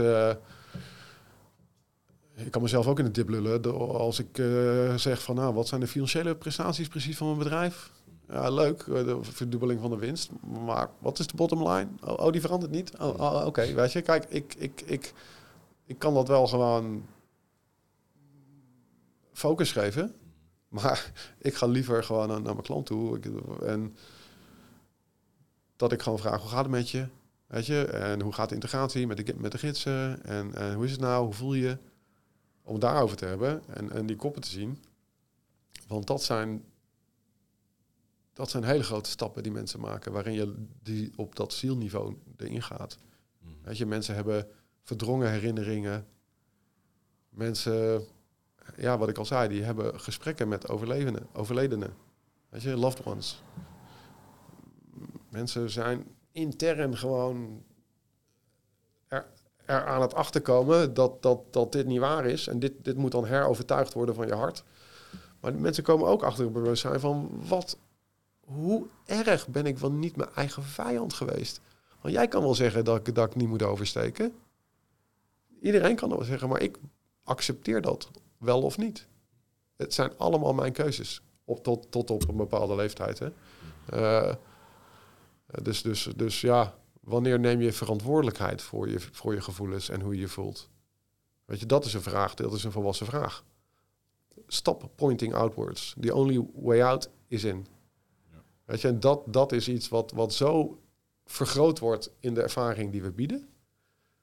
Dat, uh, dat, dat, dat, dat, dat zijn hele diepe ervaringen. Waar uh, mensen ook, ook, ook uh, heel vaak een spiritueel component hebben. Dat is heel leuk tot licht gekomen. En iets waar ik eigenlijk best wel trots op ben. En dat is de documentaire die we gemaakt hebben naar aanleiding van een retreat. Een ja. onderzoeksretreat met veteranen. Ja. Ik, ik, ik wil net vragen van ja. de, de, de, de, stap naar de veteranen, zeg maar. Ja. Dan ga ik eerst koffie pakken. Heel goed plan. Goed. Doe een bakkie, dat is standaard. ja, we hebben koffie. Luc neemt net een slokje. Hij is heet, hè, Luc? Goed bakkie. goed bakkie. Hey, maar jij bent natuurlijk uh, uh, net een stukje over jezelf verteld, maar met name ja. op een gegeven moment ook ja, je, wat, je, wat je aan je hart ligt als, uh, ja. als oud, uit marinier, militair, veteraan. Ja. het veteranenwereldje, dat is natuurlijk ook een hoop mensen te behalen. Ja. Um, ja. Pak hem daar eens op. Ja, nou, ik ging eigenlijk weg bij de mariniers, dat was in 1993. Dat was alweer een paar dagen geleden. Uh, en ik had wel wat, wat, wat vrienden uit die tijd, weet je. Maar over decennia, weet je, dan verwatert dat soms. Uh, dus toen ik al een hele carrière had en ik was een of andere online marketing hotshot. Toen uh, was er bij mij in de buurt een, uh, een veteraan inloophuis in Amsterdam-Noord. Van Eus. Tof peer. En dus daar kwam ik vaak. En toen was er zo'n stichting, en, of meerdere stichtingen, weet je, die dingen behartigen voor, voor, voor veteranen. Zoals Wounded Warriors en, en een paar andere. En ik oh ja, daar kan ik wel wat, wat vrijwilligerswerk op loslaten. En een beetje online helpen hoe ze de infrastructuur neerzetten voor donaties. Of gewoon een website of dit of dat. Dus het was de eerste keer dat ik weer een beetje in aanraking kwam met veteranen. Maar dat, dat, dat waren ook oud-Indië-gangers, Libanon-mensen. Uh, het was allemaal... Ja, ik weet niet of het allemaal pre-9-11 was. Maar in ieder geval... Toen kwam ik weer in aanraking. En, en, en, en via hun ook uiteindelijk weer... kwam ik voor de eerste keer terecht op Veteranendag. Weet je, ik dacht, wat is dat? Moet ik een fucking Colbert aantrekken? Ik weet je, get fucking real. Weet je, weet je, waar is de biertent? En, ja. uh, dat is het enige wat ik gezellig vind, om daar die maten te zien. En niet om dan nog eens een keer een bepaald hoedje op te hebben. Mm -hmm. Of... Uh, ik ervaar een heleboel dingen anders. Hè? Dus dat is helemaal niet een, een afkeuring van iets anders. Hè? Ik, ik, draag mezelf echt heel anders. Weet je, ook hoe ik naar de dood kijk of afscheid nemen van mensen. Dat doe ik echt in mijn hart. Ik, ik heb niet zozeer veel met culturele protocollen. Weet je, uh, ik, bedoel, ik eer het hele gebeuren, want we hebben er allemaal echt gewoon heel veel in geïnvesteerd en, en heel veel van ons verloren. Uh, en dat, dat mag gewoon erkenning krijgen, weet je. Zeker voor alle drogredenen. Maar uh, uh, dat jij daar gewoon met kameraadschap en uh, eer en geweten gewoon kan handelen. Ja, dat is inderdaad een medaille waard. Van een paar euro. Ja. Weet je, dus dan ja, maar, zo, maar, zo kijk ik daarna. Dus het leed ja. van veteranen, ja. dat, dat begon pas toen te dagen. Maar even, ik, ik haak er even aan. Ja. Ja, sorry. ja, kijk, ik, ik, uh, ik heb natuurlijk zelf ook het een en ander mee uh, gemaakt. Uh, maar ik, ik, met de kennis van nu en hoe ik uh, bewuster naar de wereld kijk en naar de dingen die spelen, kijk ik wel heel anders aan tegen de reden waarom ik ooit ben gegaan. Ja. Uh, en, ja. en, en, en, die medaille die koester ik omdat de mensen waar ik ermee ben geweest, dat is ja. mijn herinnering, zeg maar. Maar degene waar ik er misschien van gekregen heb, denk ik van waar. Nee, dat moet, laat ik dat nuanceren. Ja. kijk, ik ben, heb gewoon, ik heb gewoon de onschuld zelf kunnen blijven spelen. Mm -hmm. Weet je, ook al zaten we in mijn velden en uh, weet ik wel. Uh, ik heb geen groot leed gezien bij de mariniers. God zij dank. Ik misdroeg me op de schietbanen, weet je, in Duitsland. En, uh, en, en als het moest, dan, dan zou ik inderdaad gewoon mijn rol pakken. Maar ik heb die rol gelukkig niet gekregen. En, en, dus, en dit overstijgt echt mijn idee van wat mijn rol is of mijn ego-ding, weet je. Ik ben op in alle opzichten op zielsniveau op mijn knieën dankbaar dat ik, dat ik daar niet heb hoeven zitten. Weet je? En ik kan wel gewoon een beetje blaten met mijn swinging dickie. Dat ik er een nietje mee geweest. En dat, ik, dat, dat, dat, dat ik fysiek wat kon. Maar dat is zo oninteressant. Mensen lijden echt. Weet je? En, en, en lijden veel. En lijden continu en voortdurend. En eigenlijk zonder hoop. Met alleen maar meer frustratie. Weet je, dus het is niet alleen maar dat je switched on bent. En dat je het een beetje lastig kan vinden uh, na vijf bier op de barbecue. Uh, maar ja, dat je eigenlijk alleen maar resonantie vindt bij jouw maten. En dat die brug naar de, die kloof tussen de samenleving en jou is eigenlijk veel te groot. Nou, er speelt gewoon heel veel. Dus, dus, dus, dus, dus dat, die gap die wordt ingevuld door gedrag wat die pijn kan verzachten. Weet je? En daarmee krijg je complexe PTSS. Dat betekent, oh, we kunnen je niet helpen, want je moet eerst van je verslaving af. En uh, ja, je bent dakloos, maar we willen er echt een factuur sturen. Of uh, je bent dit of je bent dat. Mensen voelen de hulp als heel ver weg of ontoereikend. En, en ik zag dat allemaal aan.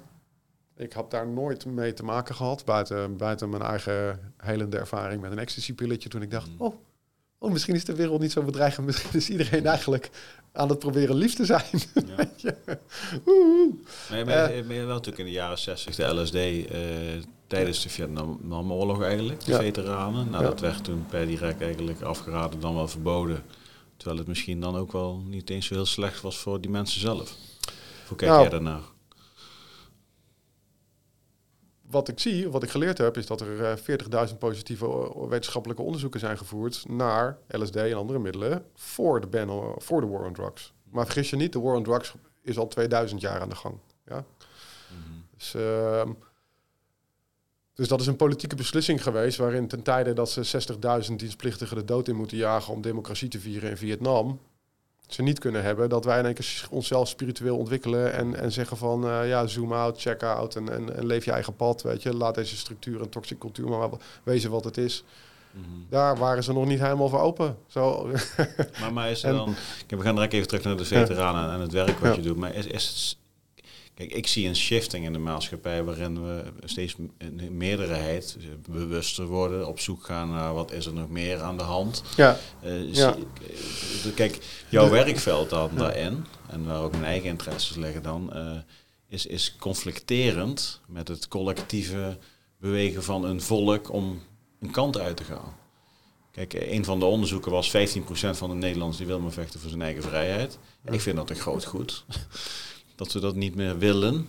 Op die manier, op een ouderwetse manier voorwaarts gaan, omdat het gevraagd mm. wordt en gezegd wordt met een dienstplicht. Mm. Dat was bevolking wat anders erin zijn tegenwoordig. Ja, kijk, vechten voor onze vrijheid is een abstract begrip. Want die paar soldaten die op de fiets uh, een kogel afvuurden op de Duitsers, dat was het gevecht voor onze vrijheid. Mhm. Weet je? En dat wil niet zeggen dat je gewoon uh, als, als, als, als een Amerikaan moet gaan bewapenen en, en, en dat allemaal aan je wapenindustrie moet gaan geven, want we leven in perpetual war. Mhm. En, uh, maar ik denk dat, dat, dat, dat, dat dialoog en bruggen en diplomatie en samenwerking en collaboratie allemaal hand in hand gaat. Want als je, ja, als we gewoon maatschappij kritisch kijken en we durven gewoon vragen te stellen zonder dat iedereen begint te wijzen, dan blame the messenger dat we gewoon tot dingen komen dat heel veel gewoon schijn is in deze wereld. En dan mag je eigen, best een eigen koers invaren. Dan hoef je niet bij de, bij de meerderheid te staan. Zo van, oh, dit vinden wij. Ja, ja, ja. Nee, nee, dit vind ik, joh. Weet je? It's, uh, relax. Dit is gewoon wat ik vind. Weet je? Dat mag. Ja, nou ja, voor heel veel mensen niet. Nee, ja. Kijk, met psychedelics werken, ook binnen, binnen, binnen, binnen veteranen, eh, militaire communities, is lastig. Ik heb heel weinig veteranen als klant, maar ik heb waarschijnlijk wel de meeste veteranen als klant.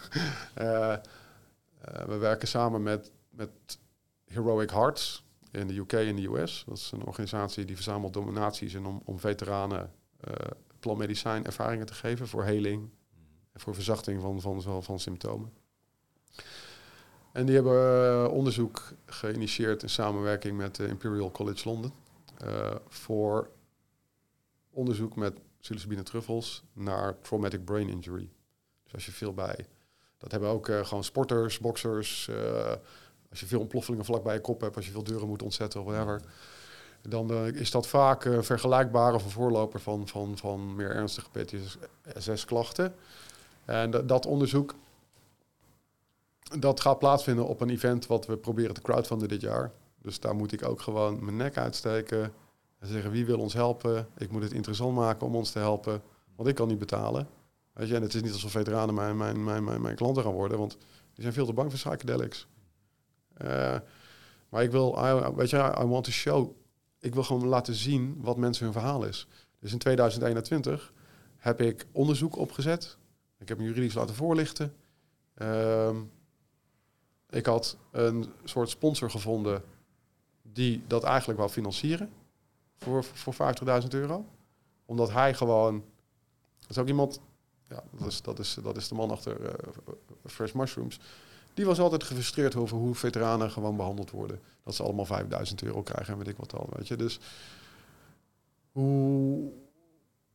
Dat, dat was zijn ding. Nou, ik leerde hem kennen en ik ben ook een veteraan, maar ik denk zelf, whatever.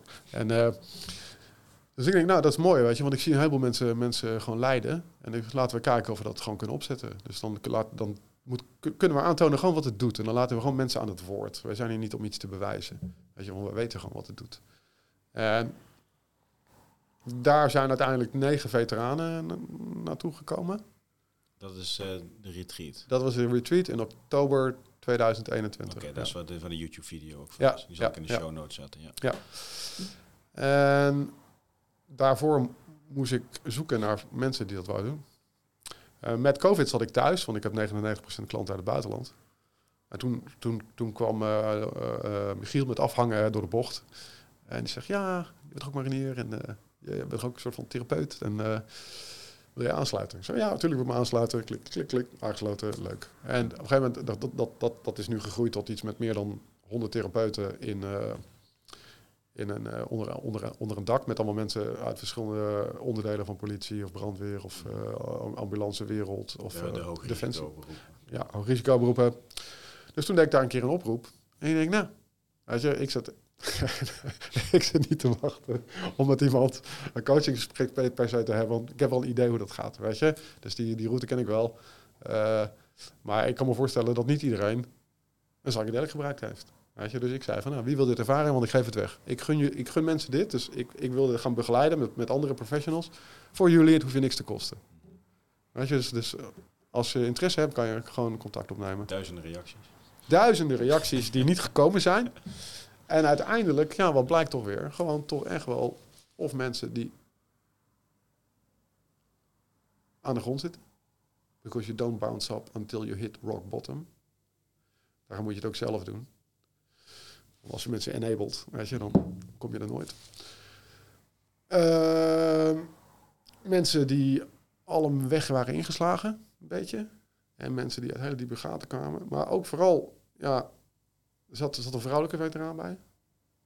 Er zat minimaal een gast van luchtmobiel bij. En er zaten een groot aantal oud-mariniers bij. Waarvan een aantal actieve Marshofgasten of voormalig Marshofgasten en nog, nog actief. En ja, uh, oud-mariniers en, en, en nog een paar andere mariniers. Weet je. En uh, zowel officieren als onderofficieren. En daar hebben wij uh, in de natuur een hele mooie locatie voor gehuurd. Waarin we met uh, elke dag de catering kwam. Uiteraard vegan, om ze te laten proeven van. Kan wel. maar ook gewoon energetisch, weet je. Um, en um, ja, daar hebben wij ze voorbereid op de sessie. En de meeste mensen, al, al, al voor, voor de inname en uh, de dag daarvoor, in die gesprekken van wat wil je, wat wil je hier uithalen, wat, wat wil je liever achter je laten met, met zo'n ervaring, weet je, was bijna iedereen in tranen. Weet je, bijna altijd had het te maken met, met hele grote conflicten die ontspoord waren, weet je. En bijna altijd ging het over het huwelijk of een relatie. En uiteindelijk waren dat ook de kinderen die ze niet meer zagen, weet je, want dat is een wapen. Weet je, dan, dan, dan, dan voel je het wel. Hm. En, dus dat was eigenlijk meteen de, de rode lijn die ik, die ik zag. Weet je, het ging, het ging op één uitzondering na, op één, één klein moment in, in één trip bij, van 18 trips over iets uit een missie. En de rest was gewoon je eigen persoonlijke huishouding, je conflicten, je positie. Weet je, hoe je anderen hebt laten voelen, hoe anderen jou hebben laten voelen en waarom je het zo voelt als je het voelt. Weet je, daar kwam heel veel inzicht. Maar bijna allemaal hadden als eerste een hele hoge dosis. En waarom? Omdat militairen en, en, en hoe specialistischer je wordt, zeg maar, hoe, hoe meer wilskracht je eigenlijk hebt. Die wilskracht die mocht niet een rol spelen in het, bij, bij, bij de resistance van, van, van de psychedelic common. Mm. Je, we kennen de weg naar, naar, de, naar de bottom of de, of, de, of de bottle, maar we kennen niet de weg naar, naar, naar, naar een hoger bewustzijn. Weet je? Dus die kan angst veroorzaken. Weet je, of resistance. Of, dus daarbij is overgave belangrijk. Dus dat betekent gewoon een vrouwelijke energie. En dat is veel kwetsbaarder dan dat je denkt, oké, let's go in. Is dat, is dat uh, onderbewuste weerstand? Het is bewuste en onderbewuste weerstand. Dus je ego, die probeert, je, die probeert jou uh, veilig te houden. Want het is allemaal onbekend. En, en ergens be, be, besnapt jouw onderbewustzijn dat dat onderbewustzijn aan de beurt komt. Weet je, want elke keer als iemand psychedelics gebruikt, moet dat echt gewoon met een, met een, in, een, in een kader staan van tijd. Dat moet allemaal gewoon goed zijn. Je mag je niet in een conflict doen. Je moet goed in een, nice mental space zijn. Weet je? Uh, weet je, en het liefst gewoon met een, uh, met een wierookje en echt hele goede muziek. Weet je, is dat echt een moment om gewoon diep die spiegel in te gaan. Totale overgave. Nou ja, dan moet je dat. Kijk, dat. Het, je weet gewoon hoe machtig dat medicijn is. Hoe, hoe, hoe, hoe heilig ergens. En hoe waarheidsgetrouw en indrukwekkend dat is. Dus daar ga je niet lichtzinnig mee om. Anders krijg je om je oren. Weet je, dus dat, dat vergt een soort van submission. En, ehm, en die eerste ervaringen bij, bij die veteranen in de retreat, ja, die, die, die waren diep emotioneel.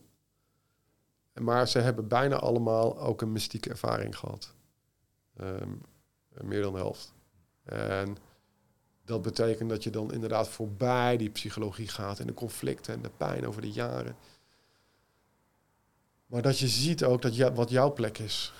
En uh, dat, dat existence itself al gewoon.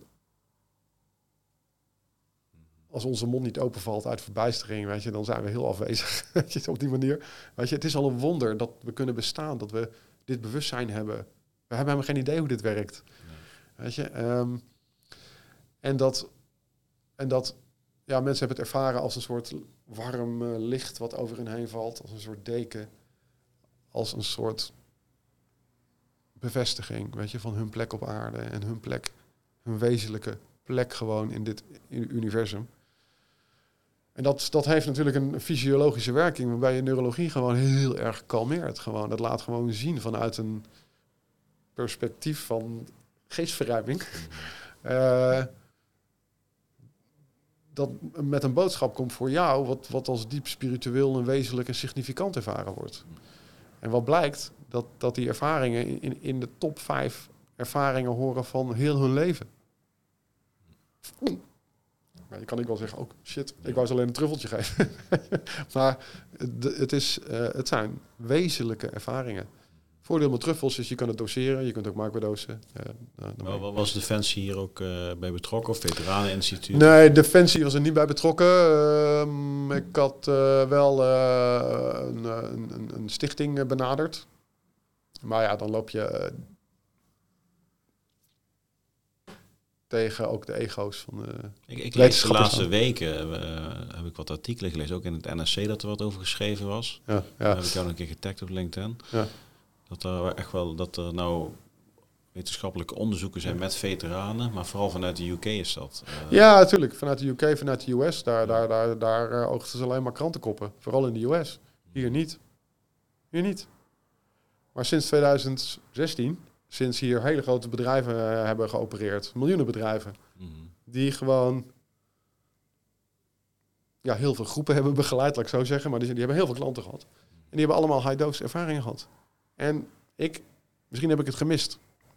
Ik heb geen één krantenkop gezien dat er een incident is geweest. Maar ze zullen er zijn geweest, weet je. Uh, ik heb, wij hebben zelf uh, ja, rond 700 uh, eh, klanten gehad uit de hele wereld. Vrouwen uit Saudi-Arabië, mannen uit Nieuw-Zeeland tot Canada. Weet je, van, van, van, van Finland tot Zuid-Afrika. Uh, wat blijkt ook uit dat onderzoek, dat, dat, dat er zijn wel challenging experiences, maar die moet je zien in de context van hoe makkelijk ben jij te overtuigen. Go fix. Overtuig jezelf maar dat jouw angst niet waar is. Dat is een hele opgave. En als je daaraan zit en het is een hele opgave, en je hebt to push it up the hill, ja, daarna heb je ook gewoon die overgave en, en, en die breakthrough hè, uh, om dat te kunnen beseffen.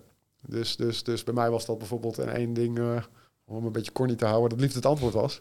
Uh, weet je, dus, maar toen ik, dat, toen, ik dat, toen ik dat eindelijk omgaf, toen had ik gewoon een van de grootste mystieke ervaringen van mijn leven gewoon. Gewoon één met alles. Ja, dat, maar, maar zie je zelf dan ook de onderzoeken die je hebt gedaan en de veteranen die je kent, dat dat eigenlijk gewoon vanuit juist een veteraneninstituut begeleiding onderdeel moet zijn van het een revalidatieproces? Of, kijk, misschien zelfs daarvoor ja. al?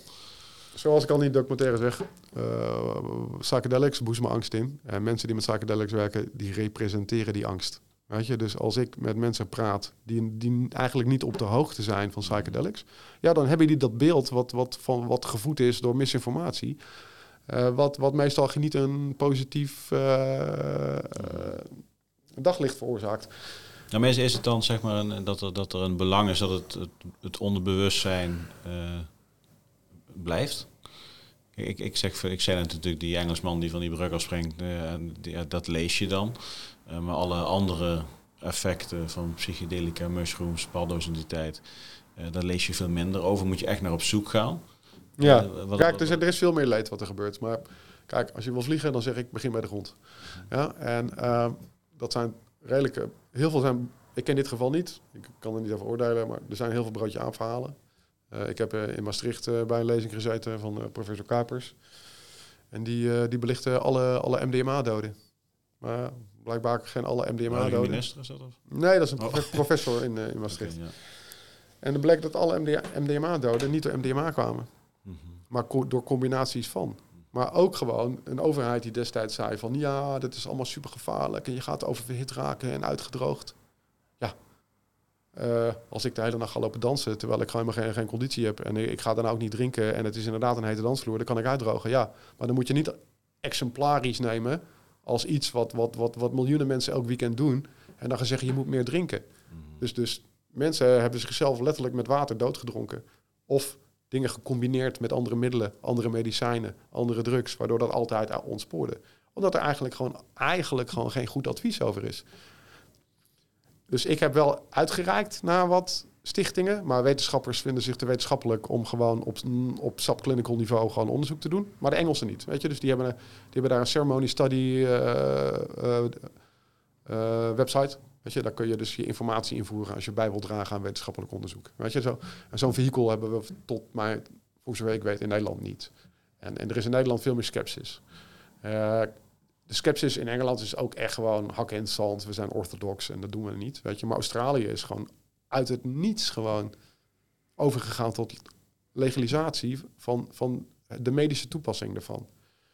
Hier in Nederland is het officieel voedsel. Heeft het een EU-voedselveiligheidskeurmerk. Dus dat betekent, het is niet giftig. Je kunt er niet verslaafd aan raken. En je kunt eten wat je wil, maar je gaat er niet aan dood. Mm -hmm. uh, en dat is redelijk vrij verkrijgbaar. Uh, en dat kun je nemen. Dat kan je eten. En dat heeft wel een effect. En dat kan je dus beter doen met iemand die erbij is en er verstand van heeft, die je rustig houdt op een plek waarin je eigenlijk niet verstoord gaat worden. Ja, jij, jij zegt ook in de, de, documentaire van de Veteran Retreat 2021 van ja, het is een groot goed dat het in Nederland legaal is, ja. maar tegelijkertijd is het uh, vrijheid, blijheid is het ook niet. Je nou, verstandig, je moet er verstandig en bewust mee omgaan. Weet je, ik denk dat we sinds de jaren 90 we helling afge afgegaan zijn in Nederland. We, daarvoor waren we ook met Denemarken gewoon echt wel een voorbeeld van hoe we als democratie kunnen zijn. Mm -hmm. Weet je, dus uh, dat betekent uh, allerlei controversiële dingen als uh, ja, van, van euthanasie tot doodsbegeleiding tot, tot ja, allerlei andere vrijheden die we verworven hebben. Ik wou zeggen vrouwen die stemmen. Daar had ik het laatst over. Weet je. Um, uh, allerlei, maar, maar de wiet bijvoorbeeld. Weet je, zo krom als we kan. Het is illegaal of gedecriminaliseerd. Het mag niet. Ja.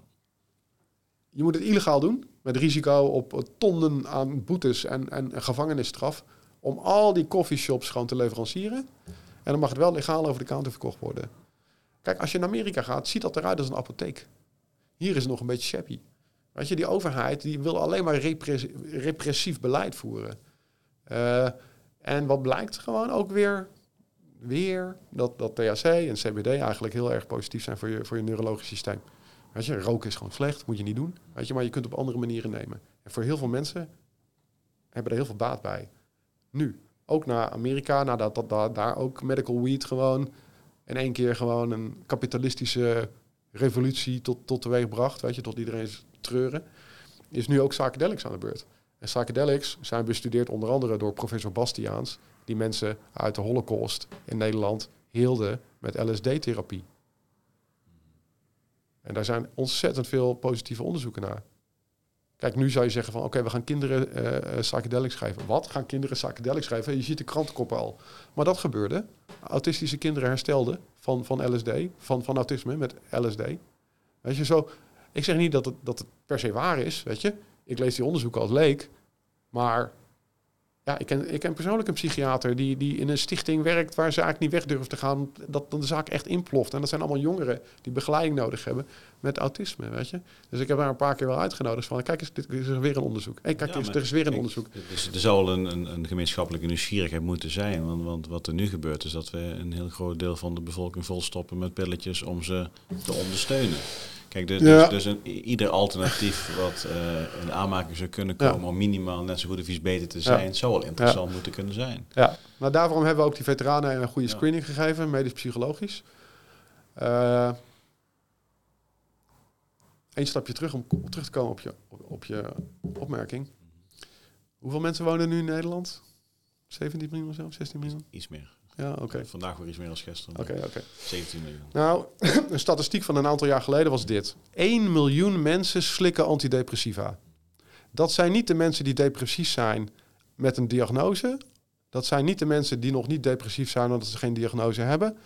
Dat zijn niet de mensen die pillen al gebruikt hebben. En dan hebben we het alleen maar over depressie. It's a business. Mhm. Je slikt het elke dag. En je wordt er niet beter van. Het haalt je wel weer uit de ravijn. En je durft niet meer naar beneden te kijken. En je denkt, oh, daar ben ik in ieder geval verlost. Het gaat nu beter. Het gaat nu beter, totdat er in één keer 15 jaar verstreken zijn. En je denkt, oh, ja, heel blij kan ik ook niet worden. Weet je, dus die angst, die krijgt gewoon een pleister. En dat is de behandelmethode. En dan laten ze een leugen op los. Als dat je serotonine systeem gewoon effected is. Waar komt je serotonine vandaan? Wat is je dieet? Weet je? Hoe communiceert dat lijf? Welke hormonen geef je af? Hoe, wat voor trauma heb je? Weet je, er zijn zoveel vragen. Ehm, dat ja, alle onderzoek is gewoon welkom.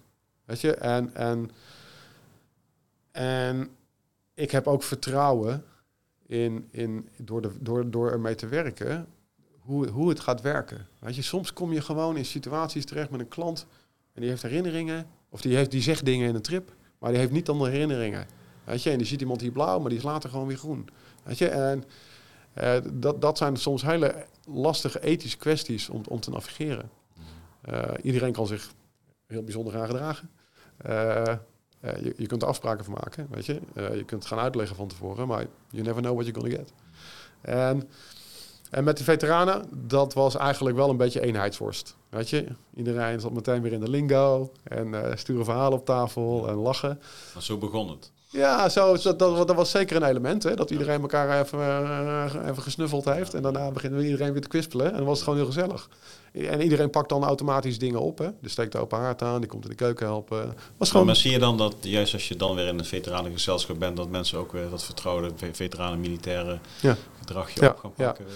Ja, dat sense of community en safety is heel belangrijk. Want als jij daar een paar emotioneel andere types tussen hebt zitten, gewoon uh, een zure zwart introvertje of uh, iemand die compleet gewoon uh, losgaat op alles, weet je?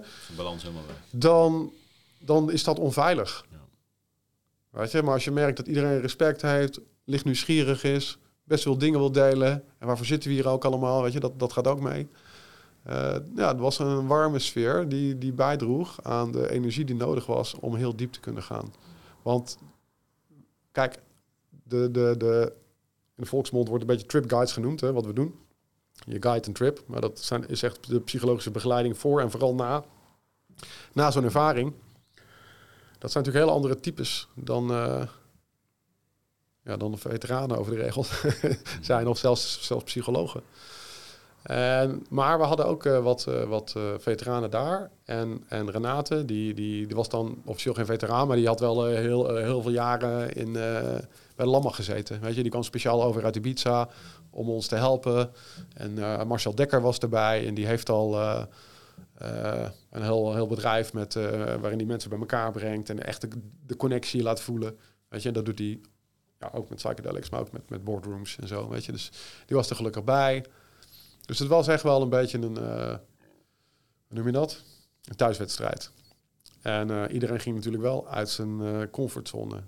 Want, want, want de meesten hadden nog, nooit een psychedelic gebruikt.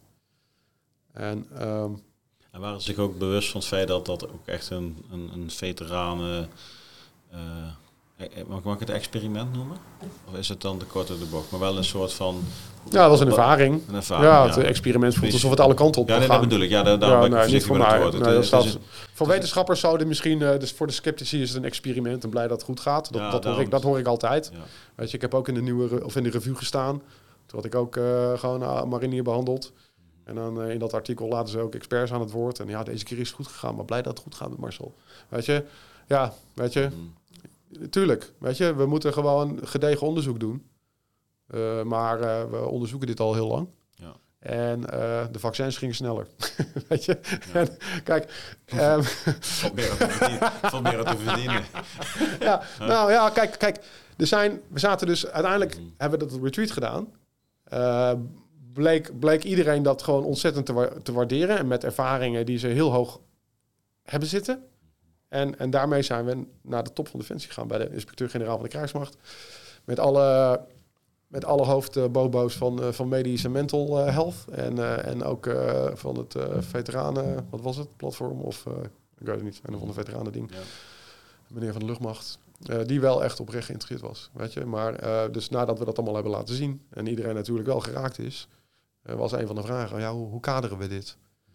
Kijk, ik heb in mijn werk altijd uh, businessmodellen gemaakt voor bedrijven die, die een kunstje kenden en dat online wilden gaan doen. En maar hoe gaan we in godsnaam ons geld verdienen? Dus, dus mijn brein werkt. Maar ik kan nog zien hoe, hoe dat werkt. Dus, maar er zijn belangenverstrengelingen. Want iemand die voor Defensie werkt, die wil jou beter maken. En iemand die in een stichting werkt en loondienst is, die moet gewoon uren draaien.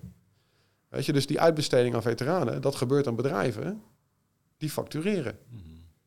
En hoe sneller iemand beter is, hoe korter dat duurt. Dus ik denk persoonlijk dat, dat hoe je dat plaatst moet zijn op een manier dat, dat je meer mensen kan benaderen die vatbaar zijn voor therapie. En dat kan daardoor korter worden, maar het wordt zeker efficiënter als je open staat en enig zelfinzicht hebt gekregen door een, door een ervaring. Weet je, dus dan kan je meer mensen helpen. Uh, kijk, je neemt wat tot je. Dus dan zitten alle medici van, oh, dan, dat is een druk, dat is een medicijn. Je neemt wat en je voelt je anders. Ja, ja. Tijdens de koffie en de peukenpauze. Weet je, en natuurlijk is dat gegeven. Het is cultureel heel anders. Dus je weet allemaal gewoon uh, dat, er, uh, dat er een biervrachtwagen mee gaat als je naar Noorwegen gaat. Mm, en en uh, dat, dat, kennen we cultureel. Biertje bij de barbecue. Maar met psychedelics ja, is dat een heel ander verhaal. Het kan wel legaal zijn, maar dat betekent niet dat het omarmd wordt. Maar we moeten gewoon herkennen dat er weerstand is in de maatschappij door onwetendheid en, en eigenlijk angsten die niet, die niet echt zijn. Weet je, we kunnen wel de, de, de, die, die, die, die, Johnny Depp uh, Las Vegas film voor onze neus nemen.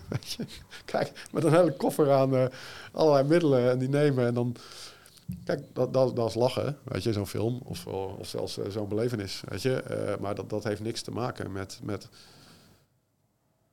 iemand die op bed ligt, die ziet wel, waar, waar, waar eruit ziet alsof het slaapt. Waar, waar we twee mensen in de buurt zijn die gewoon met de grootste compassie en, en, en barmhartigheid gewoon jou begeleiden naar een neurologie.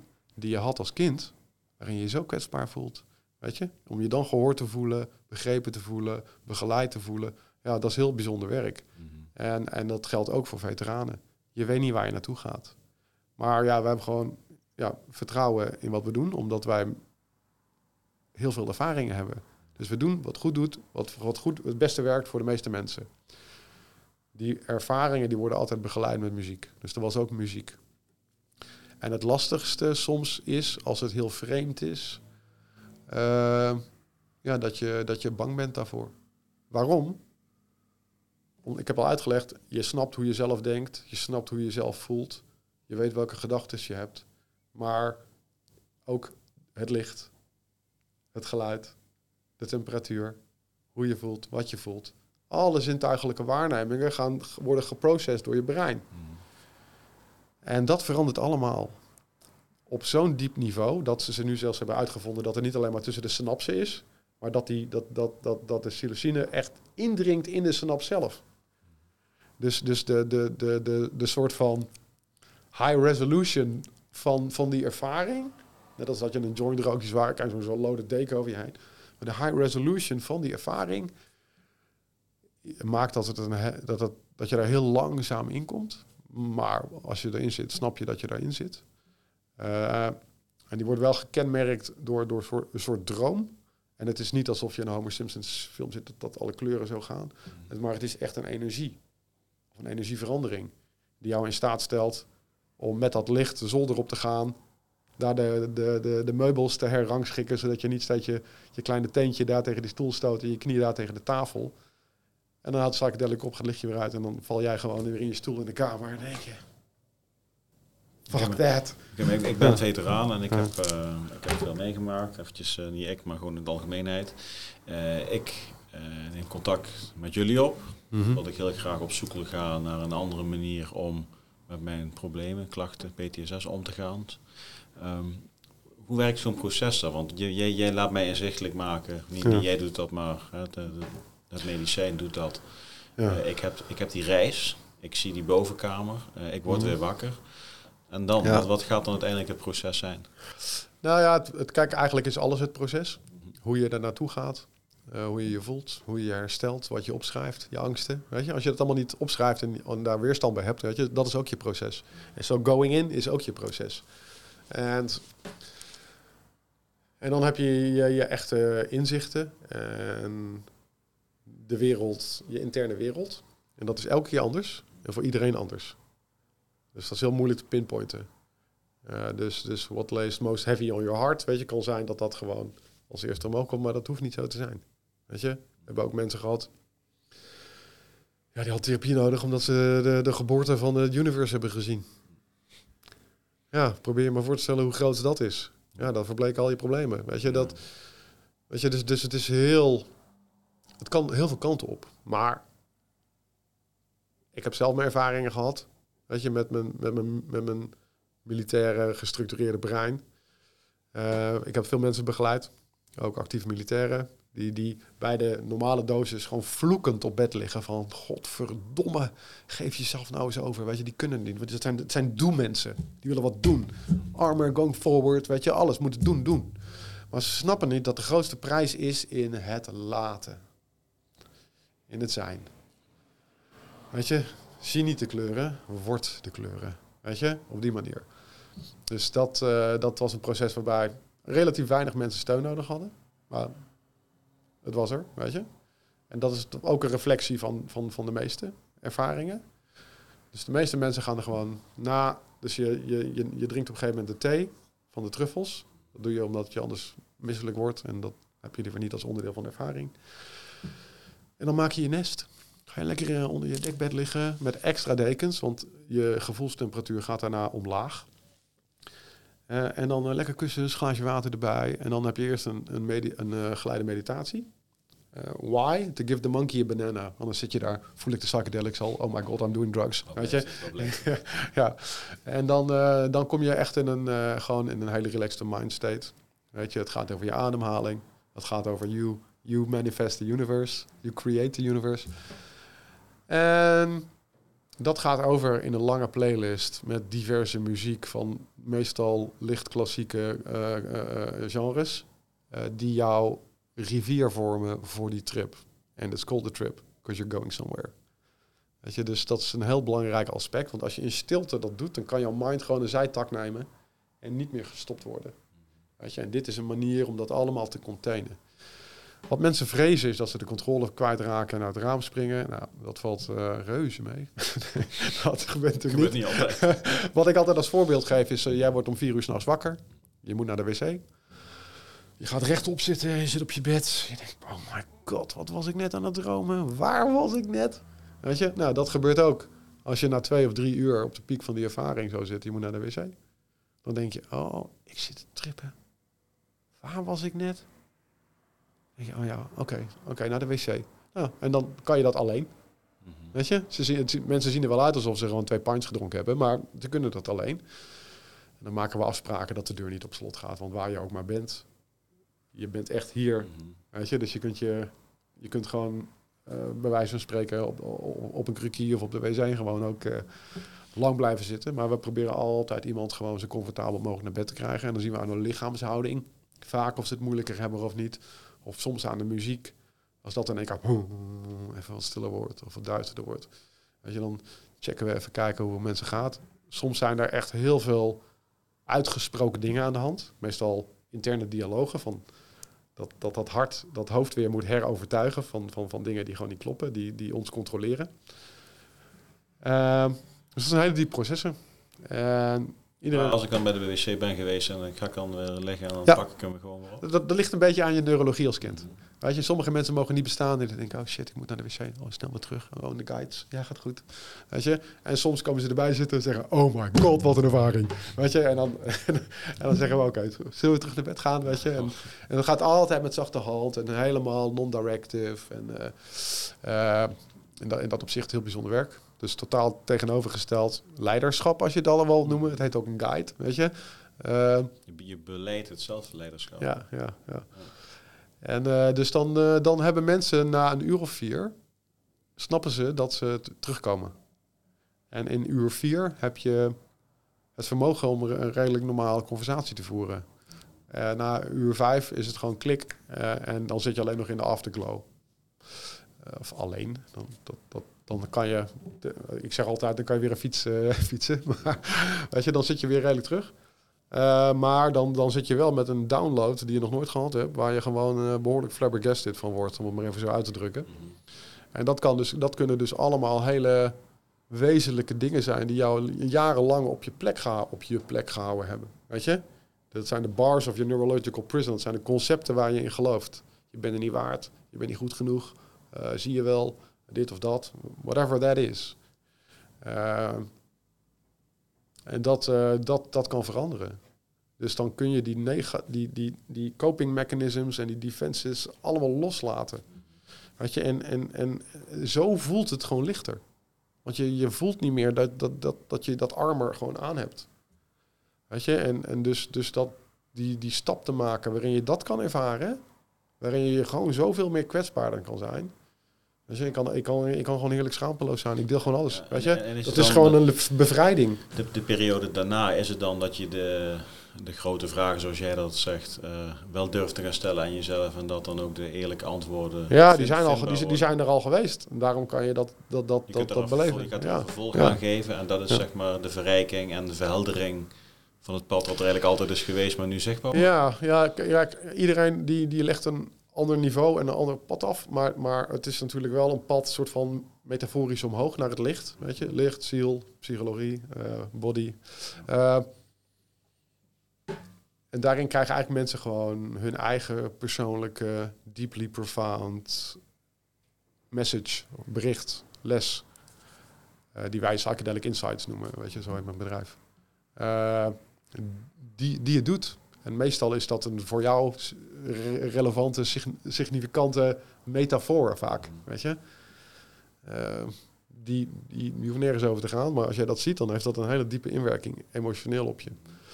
Dus al die, al die, al die, al die negen veteranen, die, die hebben uh, een eerste high dose gehad. De meeste lagen alleen op een kamer. Ik geloof dat er drie een kamer deelden. Uh, dus je, je, je, je, ligt, je ligt apart van elkaar of heb je... Ja, wij wouden, ik, wou, ik wou niet in een groep gaan liggen. Mhm. Want ik wou de beste both worlds doen. Ik wou de community hebben en het samen zijn en het evalueren en de ronde gesprekken en het delen. Uh, naast de veiligheid om bij je eigen tranen te komen. En daar moeten we niet hebben dat als jij in je trip moet, dat die ander al begint te giechelen, die ander al begint te janken, en dan eentje verderop begint nog te steunen. En dan denk jij van, oké, kut, doe ik het wel goed. Weet je, je moet gewoon privacy hebben, je moet persoonlijke ondersteuning hebben, je moet voelen dat er iemand voor jou is. Want als jouw vraag is, is alles oké? En dan komt iemand en die zegt ja, die ja is jouw hele wereld waard. Weet je, omdat het gewoon alien voelt. Het voelt raar. Ja. Weet je, dus je wil gewoon een ankertje. Ja, het voelt alien. Heel, het voelt heel alien, dus heel vreemd. Ja, ja, oh, hij zei alien. nee, nee, nee, nee, maar ik denk, kijk, alien buitenaards. En, en dus, dus uh, je, je gaat dus uh, ook je, je, je sensoren openstellen. Voor, voor dat wat misschien wat groter is van wat je altijd op de aarde hebt ervaren. Zeg ik dat goed? Nou ja, ik denk dat een van de... Ik ben van de, geen ervaringsdeskundige, daarom stel ik deze vraag allemaal natuurlijk. Ik denk dat, dat, dat, dat, dat er een spirituele deur open gaat die, die filosofisch jouw wereldbeeld bepaalt. Die emotioneel, psychologisch heel veel voor jou kan betekenen in je heling. Dat is wat ik denk dat het doet. Ja. En, dat, en ik haak ervan op heling dan. Dat is niet per definitie dat iemand in zak en as hoeft te zetten om jezelf te helen. Dat is, kan, is voor iedereen van toepassing. Het is voor iedereen van toepassing. Iedereen zit op dat pad. Maar weet je, ik, ik, kan, ik kan in mijn pijn gaan hangen en ik kan iedereen verrot schelden. Want het, ligt toch aan alle anderen en nooit aan mij. En als het niet werkt, dan uh, ja, what, what the fuck are you doing, weet je. Je kunt continu naar buiten projecteren. En then you pay the price. Want weet je wat het is? En zeker onder die veteranen, het is niet moeilijk om een cynische, bittere, bittere sceptische man te worden. Het is niet moeilijk. Weet je, want we zijn allemaal onbegrepen. Weet je? En vroeger was alles beter. Weet je? Nee, je, je kan gewoon ademen in het nu leven. Snappen dat al die mensen al het geduld opbrengen om van jou te houden. Maar als je Weet je? En dat zijn wezenlijke dingen die meewegen in mensen, in mensen hun beleving. Dus als jij kan laten zien door exemplarisch leiderschap of door informatie, destigmatisering, whatever. Mensen hun eigen verhaal, veteranen hun eigen verhaal. Wat het is wat ze ervaren hebben en hoe hen dat, geraakt heeft, dat is de enige vraag die ik, ik die mensen wil stellen. Omdat dat is wat eigenlijk een soort van mijn missie is, of zo ervaar ik dat, om te laten zien dat, dat mits de condities goed zijn en je veilig bent om dit te doen met goede begeleiding en de juiste condities in een zette setting, dat mensen hele positieve ervaringen kunnen hebben die hun leven verandert of, of, of verandering inzet. Ja, want het is niet het eind van je lijden. Weet je, het is het begin van een nieuw pad met meer bewustzijn. En elke keer als je in de structuur zit, in je relatie of met je vrienden of met jezelf, dan helpt meer bewustzijn elke keer weer om daar zicht op te krijgen. En, en letterlijk bewustzijn of iets snappen of inzien, uh, maak je niet slimmer cognitief, maar dat maakt je emotioneel bewuster dat, dat, dat, is, dat het niet de juiste keuze is. Want alles wat slecht is, geeft ons ook gewoon uh, benefit in de short term Weet je, en alle lastige beslissingen veelal geven ons benefit, weet je, in de long run. Weet je, dat is de dynamiek waar we in zitten. Daarom hebben we ook heel veel veteranen gewoon issues met verslavingen in allerlei vormen. Uh, toch, toch echt connectie gewoon met, met mensen uit de burgermaatschappij, waaronder hun gezin. Ja, en dat doet mijn vader hart gewoon huilen. Weet je, dus als ik ownership kan nemen over over mijn dienst en wat ik in mijn eigen ervaring en, en in de wetenschap lees over wat, wat dit kan betekenen, dan, ja, dan, dan zie ik dat bijna als een plicht om dat te doen. Laat ik zo zeggen, er is voor mij geen waardevollere manier om mijn tijd hier te besteden dan te doen wat ik nu doe. Want mijn veteranenpetje komt van pas, mijn therapeutenpetje komt van pas, mijn ondernemerspetje komt van pas. Mijn uh, online kennis komt van pas. Uh, mijn eigen burn-out komt van pas. Mijn relatie komt van pas. Mijn vaderschap komt van pas. Alles komt op dit kruispunt samen. En, en iedereen is uniek. Weet je? En dus die, die, die, die connectie die, die je steeds maakt met mensen. Uh,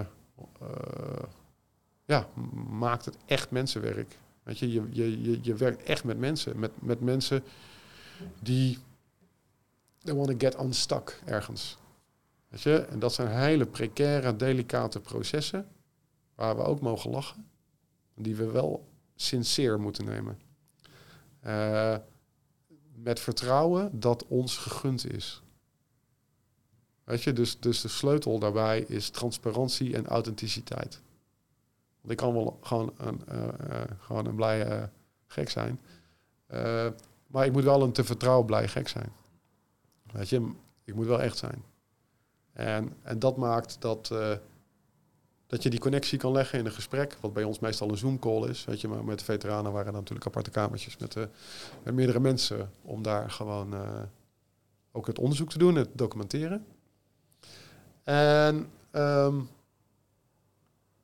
ja, dus, dus na die twee sessies met, met psilocybine truffels met veteranen, ja, waren er sharings, waren er maaltijden. Uh, en op een gegeven moment uh, ja, was er uh, was, was Herme van Macula Filmster om, om wat, wat interviews op te nemen. maar we waren eigenlijk niet van plan daar een hele documentaire van te maken. Ja. En we moesten best wel lang wachten tot de data terugkwam van, van de researchers. Dus, de, dus dan, dan staat er een half jaar stil. Toen had Defensie ook nog wat te zeggen over of dat wel of niet mocht. En er zat ook iemand in. Uh, aan het eind. Is veteraan een, een beschermde status die je niet zomaar mag gebruiken? Nou, er zaten actieve militairen in. Ja. En die hadden een mening over psychedelics. Ja. En ja, ik kan me voorstellen dat Defensie daar een soort van rechtop gaat zitten en iets van kromme krijgt. Uh, want ook al is het legaal, je kunt gewoon niet als militair zeggen van... dit doe ik, hier voel ik me beter voor, hier voel ik me gezonder worden, dan mag je naam. If you touch it, you're gone. Ja. Wietrook is ook legaal. Ja, wietrook is ook gaan, wordt ook, niet gecontoond. Maar waar is het wetenschap dat dat, dat dat zegt dat militairen daar slechter van worden? Conflictgebieden worden militairen slechter van. Gewoon slechte R&R, gewoon geen prioriteit om je vrouw en kinderen te zien. Lulverhalen over, over je budget als je niet naar huis kan omdat je bij een zieke kind wil zijn. Daar worden militairen slechter van. Weet je? Niet van een truffeltje, dat ze eigenlijk gewoon wat traantjes kunnen huilen. Die zo in de weg zitten. Dat ze snappen dat ze nog bij een gevoel kunnen komen. Dat is het niet. Weet je? Dus ik zie het graag in context. En, en please correct me. Weet je? Hoeveel dooien zijn er door, door over-the-counter medicijnen... voorgeschreven door een arts... die allemaal klinisch getest zijn? Double blind. Nou ja, Ongeveer 80.000 dooien per jaar in Nederland. Volgens mij stond er een paar weken terug nog iets op teletext. Dat er door fout en slecht gebruik van medicijnen x aantal kinderen waarschijnlijk dan wel komen te overlijden. Ja, de, het zijn in de tientallen duizenden per jaar. Ja. Maar goed, en dat is normaal, dat is de norm. Weet je, dus als iemand, stel dat 1 in de 100 gewoon uh, niet alleen maar positieve psychologische werkingen hebben, of laat 1 in de 50 of laat 1 in de 10 zijn voor, voor mijn part. Grotendeels kan je dat met goede therapie gewoon weer, weer doen. En dat is ook wat wij bieden. Wij bieden de therapie eromheen, omdat wij de mogelijkheid tot transformatie bieden. Dus if, weet je, we will reach you with the tools. Maar je moet het zelf oppakken, maar wij gaan het niet voor je doen. Weet je? En het is ook niet dat je denkt, oh, ik neem deze pil en dan ben ik van mijn ding af. Nee, dat is niet zo. Jij moet gewoon naar die zenuw toe. En ga er maar naast zitten in al je pijn. En huil het maar kwijt. Want dat is de enige manier. Weet je? Dus, dus dus er komen tranen bij. Want al die woede en frustratie, dat zijn allemaal tranen. Want waarom? Ik kan voor mezelf spreken, maar misschien wordt het herkend. Weet je, je kwetsbaar opstellen en snappen dat jouw machteloosheid, dat dat angst aanjaagt. Dat het feit dat je gewoon iemand niet kan bereiken en je eigenlijk geen controle hebt, hoe liefdevol bedoeld ook, of hoe wanhopig noodzakelijk, dat dat, dat, dat zorgt er eigenlijk voor dat we op onze knieën moeten vallen en, en beginnen te janken. Weet je? Maar wat doen we? Fucking kut, sorry, fucking dit. Weet je? En dat stoppen we weg en dat vreten we op. En we put a lid on it and we leave it behind us and it's water under the bridge. And that's how we roll. Ja, nou, elke keer als jij gewoon die, uh, die kleine emoties en frustraties onder de, onder, de, onder de rock veegt, heb je op een gegeven moment een mountain met een carpet. Weet je, dus, dus dat soort dingen kunnen echt gewoon geadresseerd worden. Ook in de psychedelic, in die beleving. Maar zeker ook uh, de 16 olifanten in de kamer. Weet je, dus Het heeft echt een effect op hoe jij je, jezelf verhoudt. Hoe jij jezelf draagt met jouw waardes en jouw grenzen en wensen. Hoe je die uit. Eh, en dat die krampacht eigenlijk gewoon jou belemmert om gewoon te zeggen wat je eigenlijk wil zeggen. En waar je op hoopt en wat je vreest. Want als jij dat zegt, is gewoon bevrijdend. Dan snappen mensen je. Want anders voelen ze alleen maar je energie van, nou, oké, het is niet gelukt. Hij is weer zo. Weet je, dus die, die menselijkheid en die warmte en, die, en, die, en dat geduld en die zachtheid, vooral die zachtheid. Want, want de tijd van, uh, van swinging dicks en uh, we zijn heel wat. Weet je, als je zo, zo krachtig bent en je, je bent echt een leider, weet je, ben je, ben je zacht. En waarom ben je niet zacht? Weet je? Wat, wat, wat voor angsten zitten er in je? Ben je daar bewust van? Weet je? En, en als mensen niet de zachtheid kunnen appreciëren, dan denk ik niet dat ze snappen wat het betekent. Weet je, de leeuw hoeft niet iedereen op te vreten om te bewijzen dat hij de fucking koning van, de, van het dierenrijk is. Hoeft niet, niet eens als een valse hond te gaan gedragen. Weet je? Die kan gewoon lekker blijven snurken. Die hoeft niks te bewijzen. Weet je? En, en die respons op die realiteit, dat zijn onze emotionele triggers. We denken dat we wat moeten. En we worden geraakt. Dus we moeten een reactie. Uiteindelijk, Beyond the Mind, is natuurlijk alles gewoon een driedimensionale film waar we in zitten. Mhm. en, en, en, en, en hebben wij natuurlijk emotionele banden met dingen die om ons heen gebeuren. Maar hoe meer bewustzijn je daarop hebt, hoe, hoe eenvoudiger je dat kan navigeren. Dus, dus meer in de flow zijn, makkelijker loslaten, moeilijke situaties, beter navigeren. Uh, beseffen dat over je gevoel praten echt uh, de, de, de, de, de, grote schat is die, die je gewoon waar als veteranen kunnen, kunnen gebruiken, weet je. Ook in je relatie. Gewoon zeg gewoon hoe je voelt. Weet je, waarom ben je boos of verdrietig of gefrustreerd? Weet je, kan je het überhaupt articuleren? Weet je, voor heel veel mensen is dat heel lastig. Mm. En ik moet ook erkennen, ik heb ook gewoon, ik heb het ook allemaal doorgelopen, weet je. Eh, van de week nog ja, ik moest gewoon erkennen dat, dat er helemaal geen meta-informatie was in, in mij toen ik opgroeide. Dat is gewoon een constatering, dat is niet een kritiek. Er werd niet gesproken over onze emoties. Er was gewoon, oh, we gaan dit doen, laat je handjes maar wapperen, let's go, let's go, weet je. En uh, altijd actie in de tent. Maar niet van, uh, van waar zit je nu? weet je? en misschien, was het, en misschien was het ook op dove oren geslagen, weet je. Dan moest je mij niet aankomen als ik 19 was of uh, net bij de baas zat. maar het is wel interessant als, als leiders dat doen. Want je hebt de hand nodig. Weet je, ik kan mijn hond niks leren. Andere honden leren mijn hond wat. Weet je, en, en daardoor is, is dat broederschap of je omgeving, uh, of inspiratoren, of wat je consumeert, heel belangrijk. Voor je wel of niet persoonlijke groei. Nou goed, maar ik had uh, de vorige podcast was uh, Joepie Thijssen. Joe Tennessee. Ik, jij, uh, ik zag de podcast, ja. Op een gegeven moment heb ik het ook met hem erover, uh, heel kort. Um, het is niet in het belang van het defensieapparaat zoals het op dit moment is, om, om, iedereen ultiem bewust te laten zijn en te gaan bevragen wat er allemaal nee. in zichzelf en in de wereld afspeelt. Dus het is een conflicterend ja. belang van, ja, we ja. willen heel graag helpen, ondersteunen, en voor zijn voor de mensen. Ja. Maar tegelijkertijd wil ik ook dat ze de opdracht uitvoeren en daar niet te veel vragen over gaan stellen, wat de reden er ook van moet zijn. Dus dat is natuurlijk wel een. Klopt. Ook in de huidige tijd, we, hebben, we zitten, je, je kijkt op straat, je, je ziet gewoon deels een onzichtbare muur over straat heen lopen. Ja. Je snapt precies wat ik bedoel. Ja, ja. kijk, maar ik, ik denk dat ze nog steeds in de, in de mind-body zitten. Weet je, die, je hebt de body nodig om gezond te zijn. Uh, en die mind moet, moet, moet de body zover krijgen dat hij dat inderdaad een, uh, zijn ding kan doen. Eh, het wapen kan hanteren en doen wat hij moet doen. Um, ik denk dat als je daar leiderschap bij zet in emotionele intelligentie, intelligentie, uh,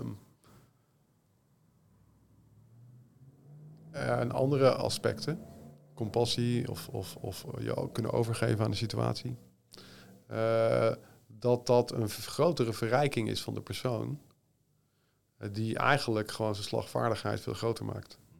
Kijk, een van de meest spirituele boeken gaat over een krijger. Die staat en die kijkt zo volgens mij zo'n vallei in. En daar is de veldslag die gaat beginnen. En hij is daar om daar leiding aan te geven. Hij denkt, fuck this, kunnen we niet naar huis? Wat boek is dat? de, de, de Bhagavad Gita.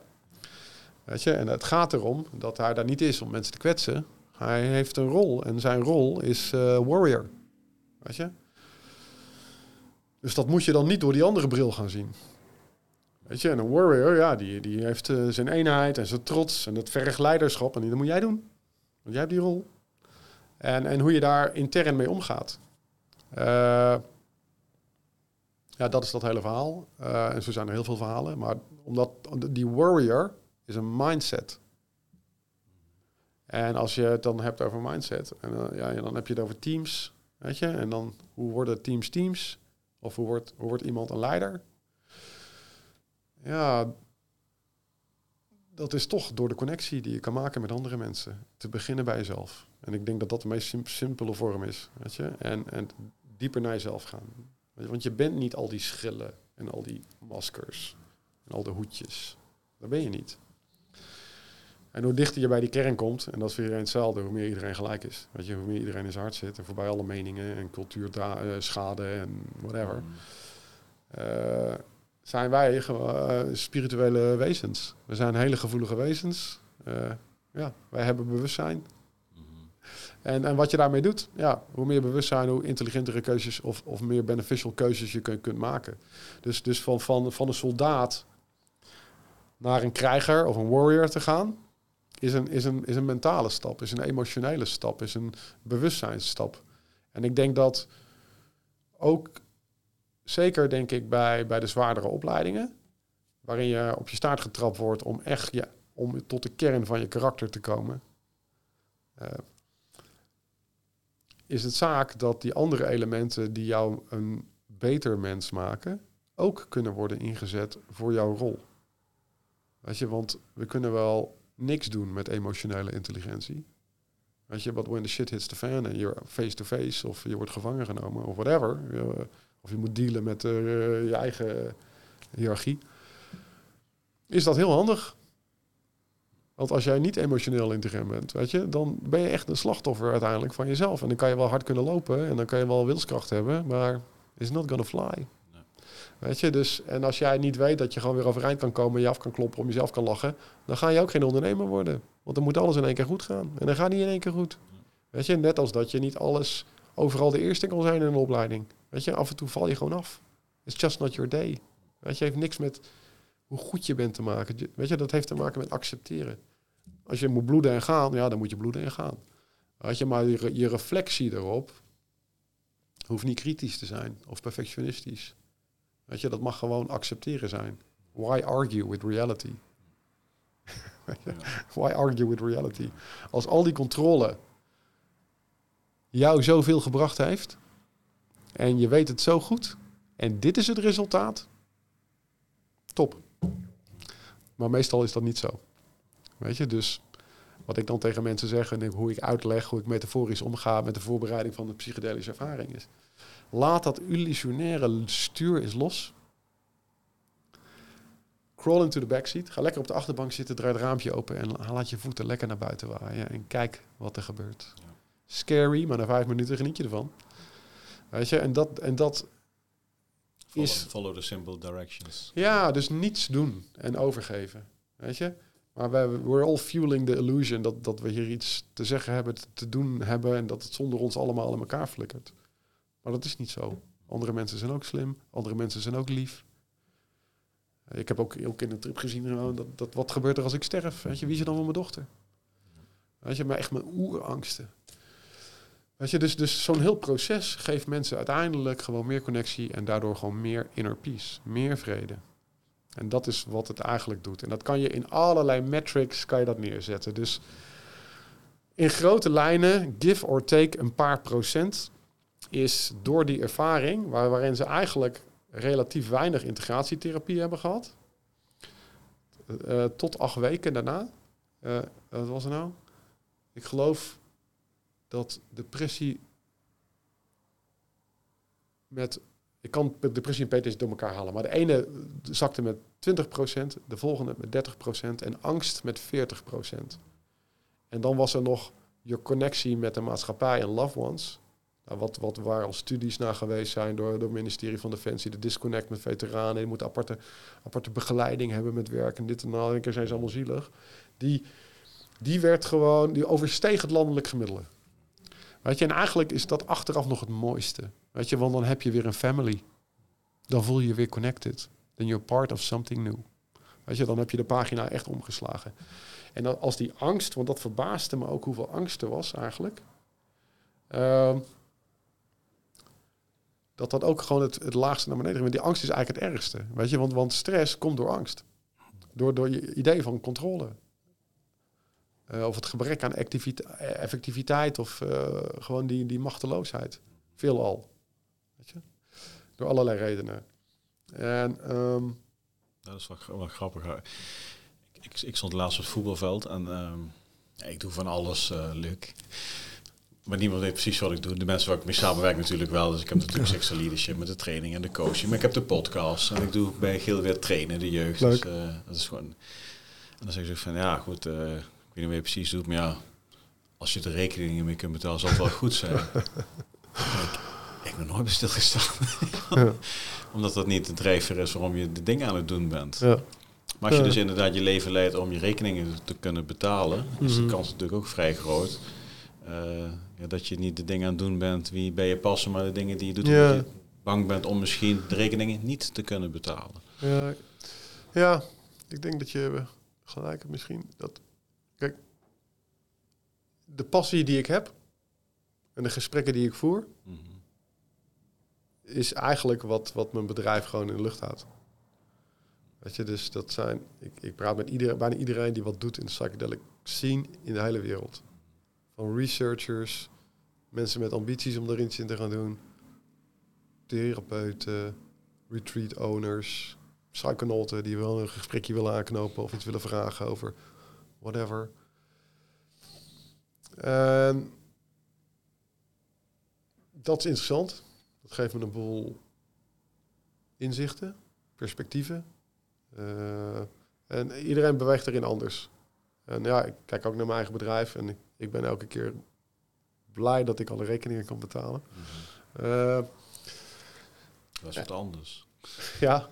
Uh, dat is een voorwaarde om te kunnen blijven doen wat je aan het doen bent natuurlijk. Ja, ja, ja. En, en ik zie dan, als je kijkt, je kunt dan wel zeggen van oh, wel of geen succes, weet je. Maar we bestaan al jaren met, met, met eigenlijk, met, met de zonder psychedelics gewoon, waar eigenlijk, waarbij we eigenlijk gewoon uiteindelijk meer innerlijke vrede willen bereiken bij een persoon, door een persoon, mhm. door datzelfde persoon.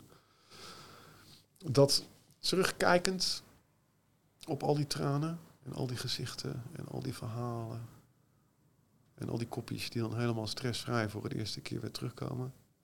Shoot me. Mooi. Weet je? Dat is mijn rol op aarde. En ik trok ook een kaartje. Laatst toen ik even bij een vriendin zat, die ging naar een kaartje trekken. En toen, uh, dat, dat, dat, werd, dat omschreef ook letterlijk wat ik aan het doen was. Gewoon, weet je, dus, dus dat idee ook van, van, en hoe ik hier terecht ben gekomen, van toeval bestaat niet. Weet je, we zijn allemaal, is dit energie. En dat is zichzelf aan het balanceren, mhm. weet je. Uh, en, en, en whatever, weet je, this is it now.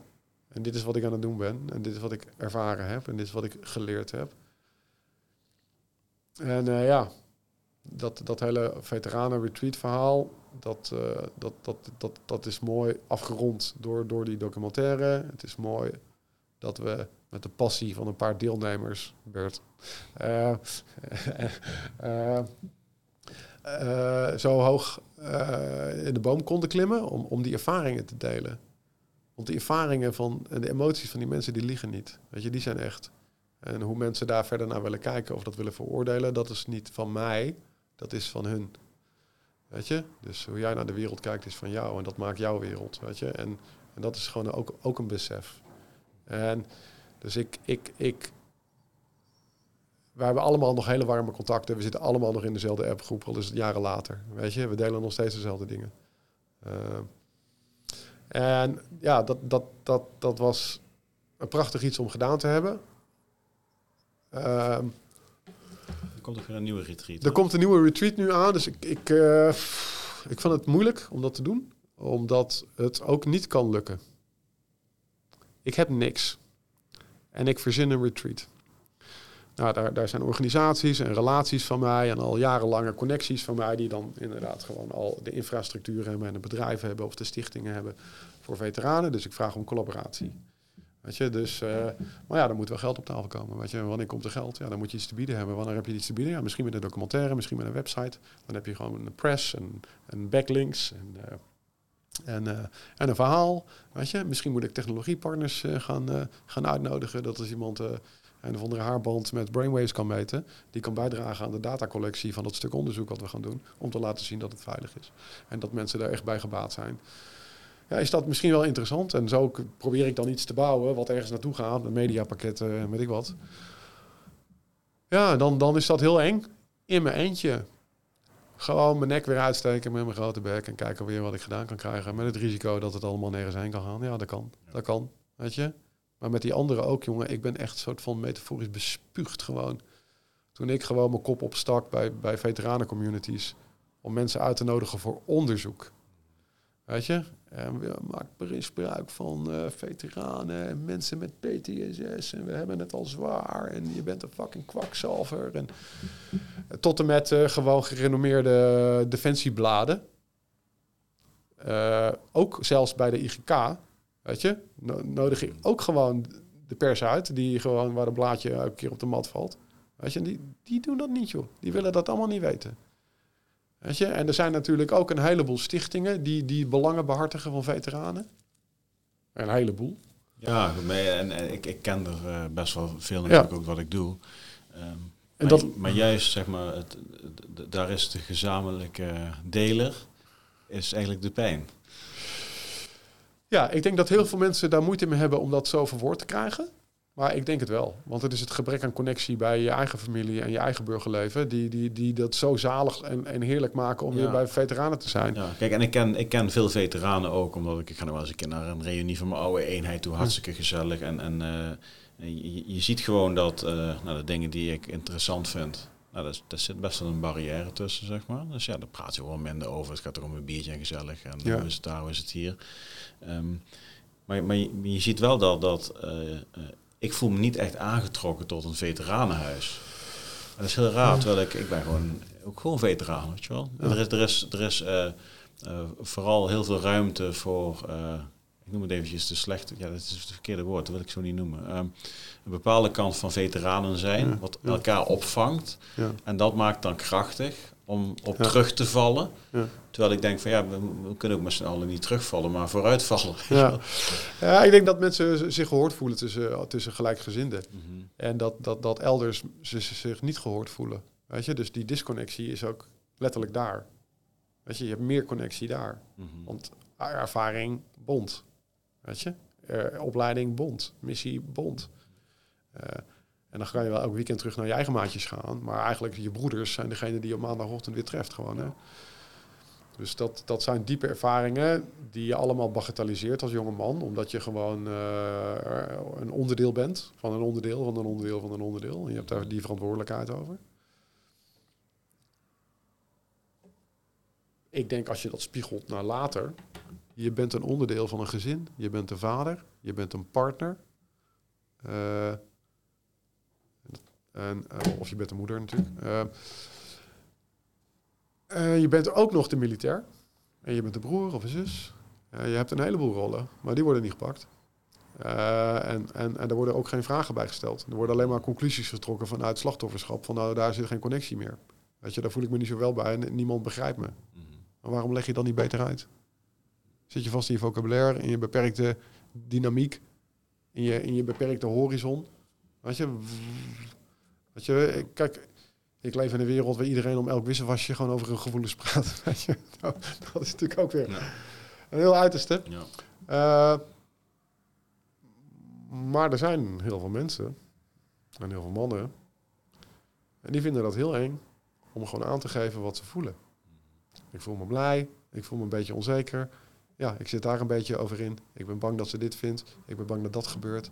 Uh, ja, dat kan. Weet je, maar zodra je daar besef op hebt, weet je, dat, dat, dat, dat is zo goed om dat te kunnen doen. Want of je zet het in je lichaam, of je laat het eruit. En dat komt er of met woorden uit of met tranen uit. En je kunt er met sporten wel relatief gewoon onderdrukken. Met endorfine, zodat je het ook even niet voelt. Of met drugs, zodat je het ook even niet voelt.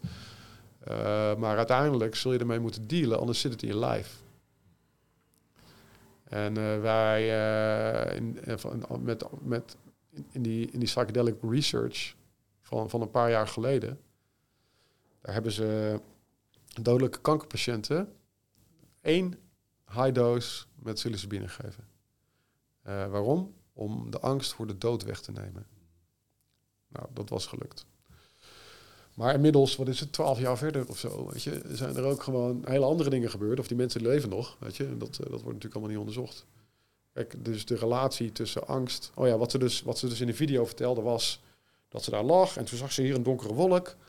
Een hele oude vrouw. Weet je, en die dacht, wat ben jij?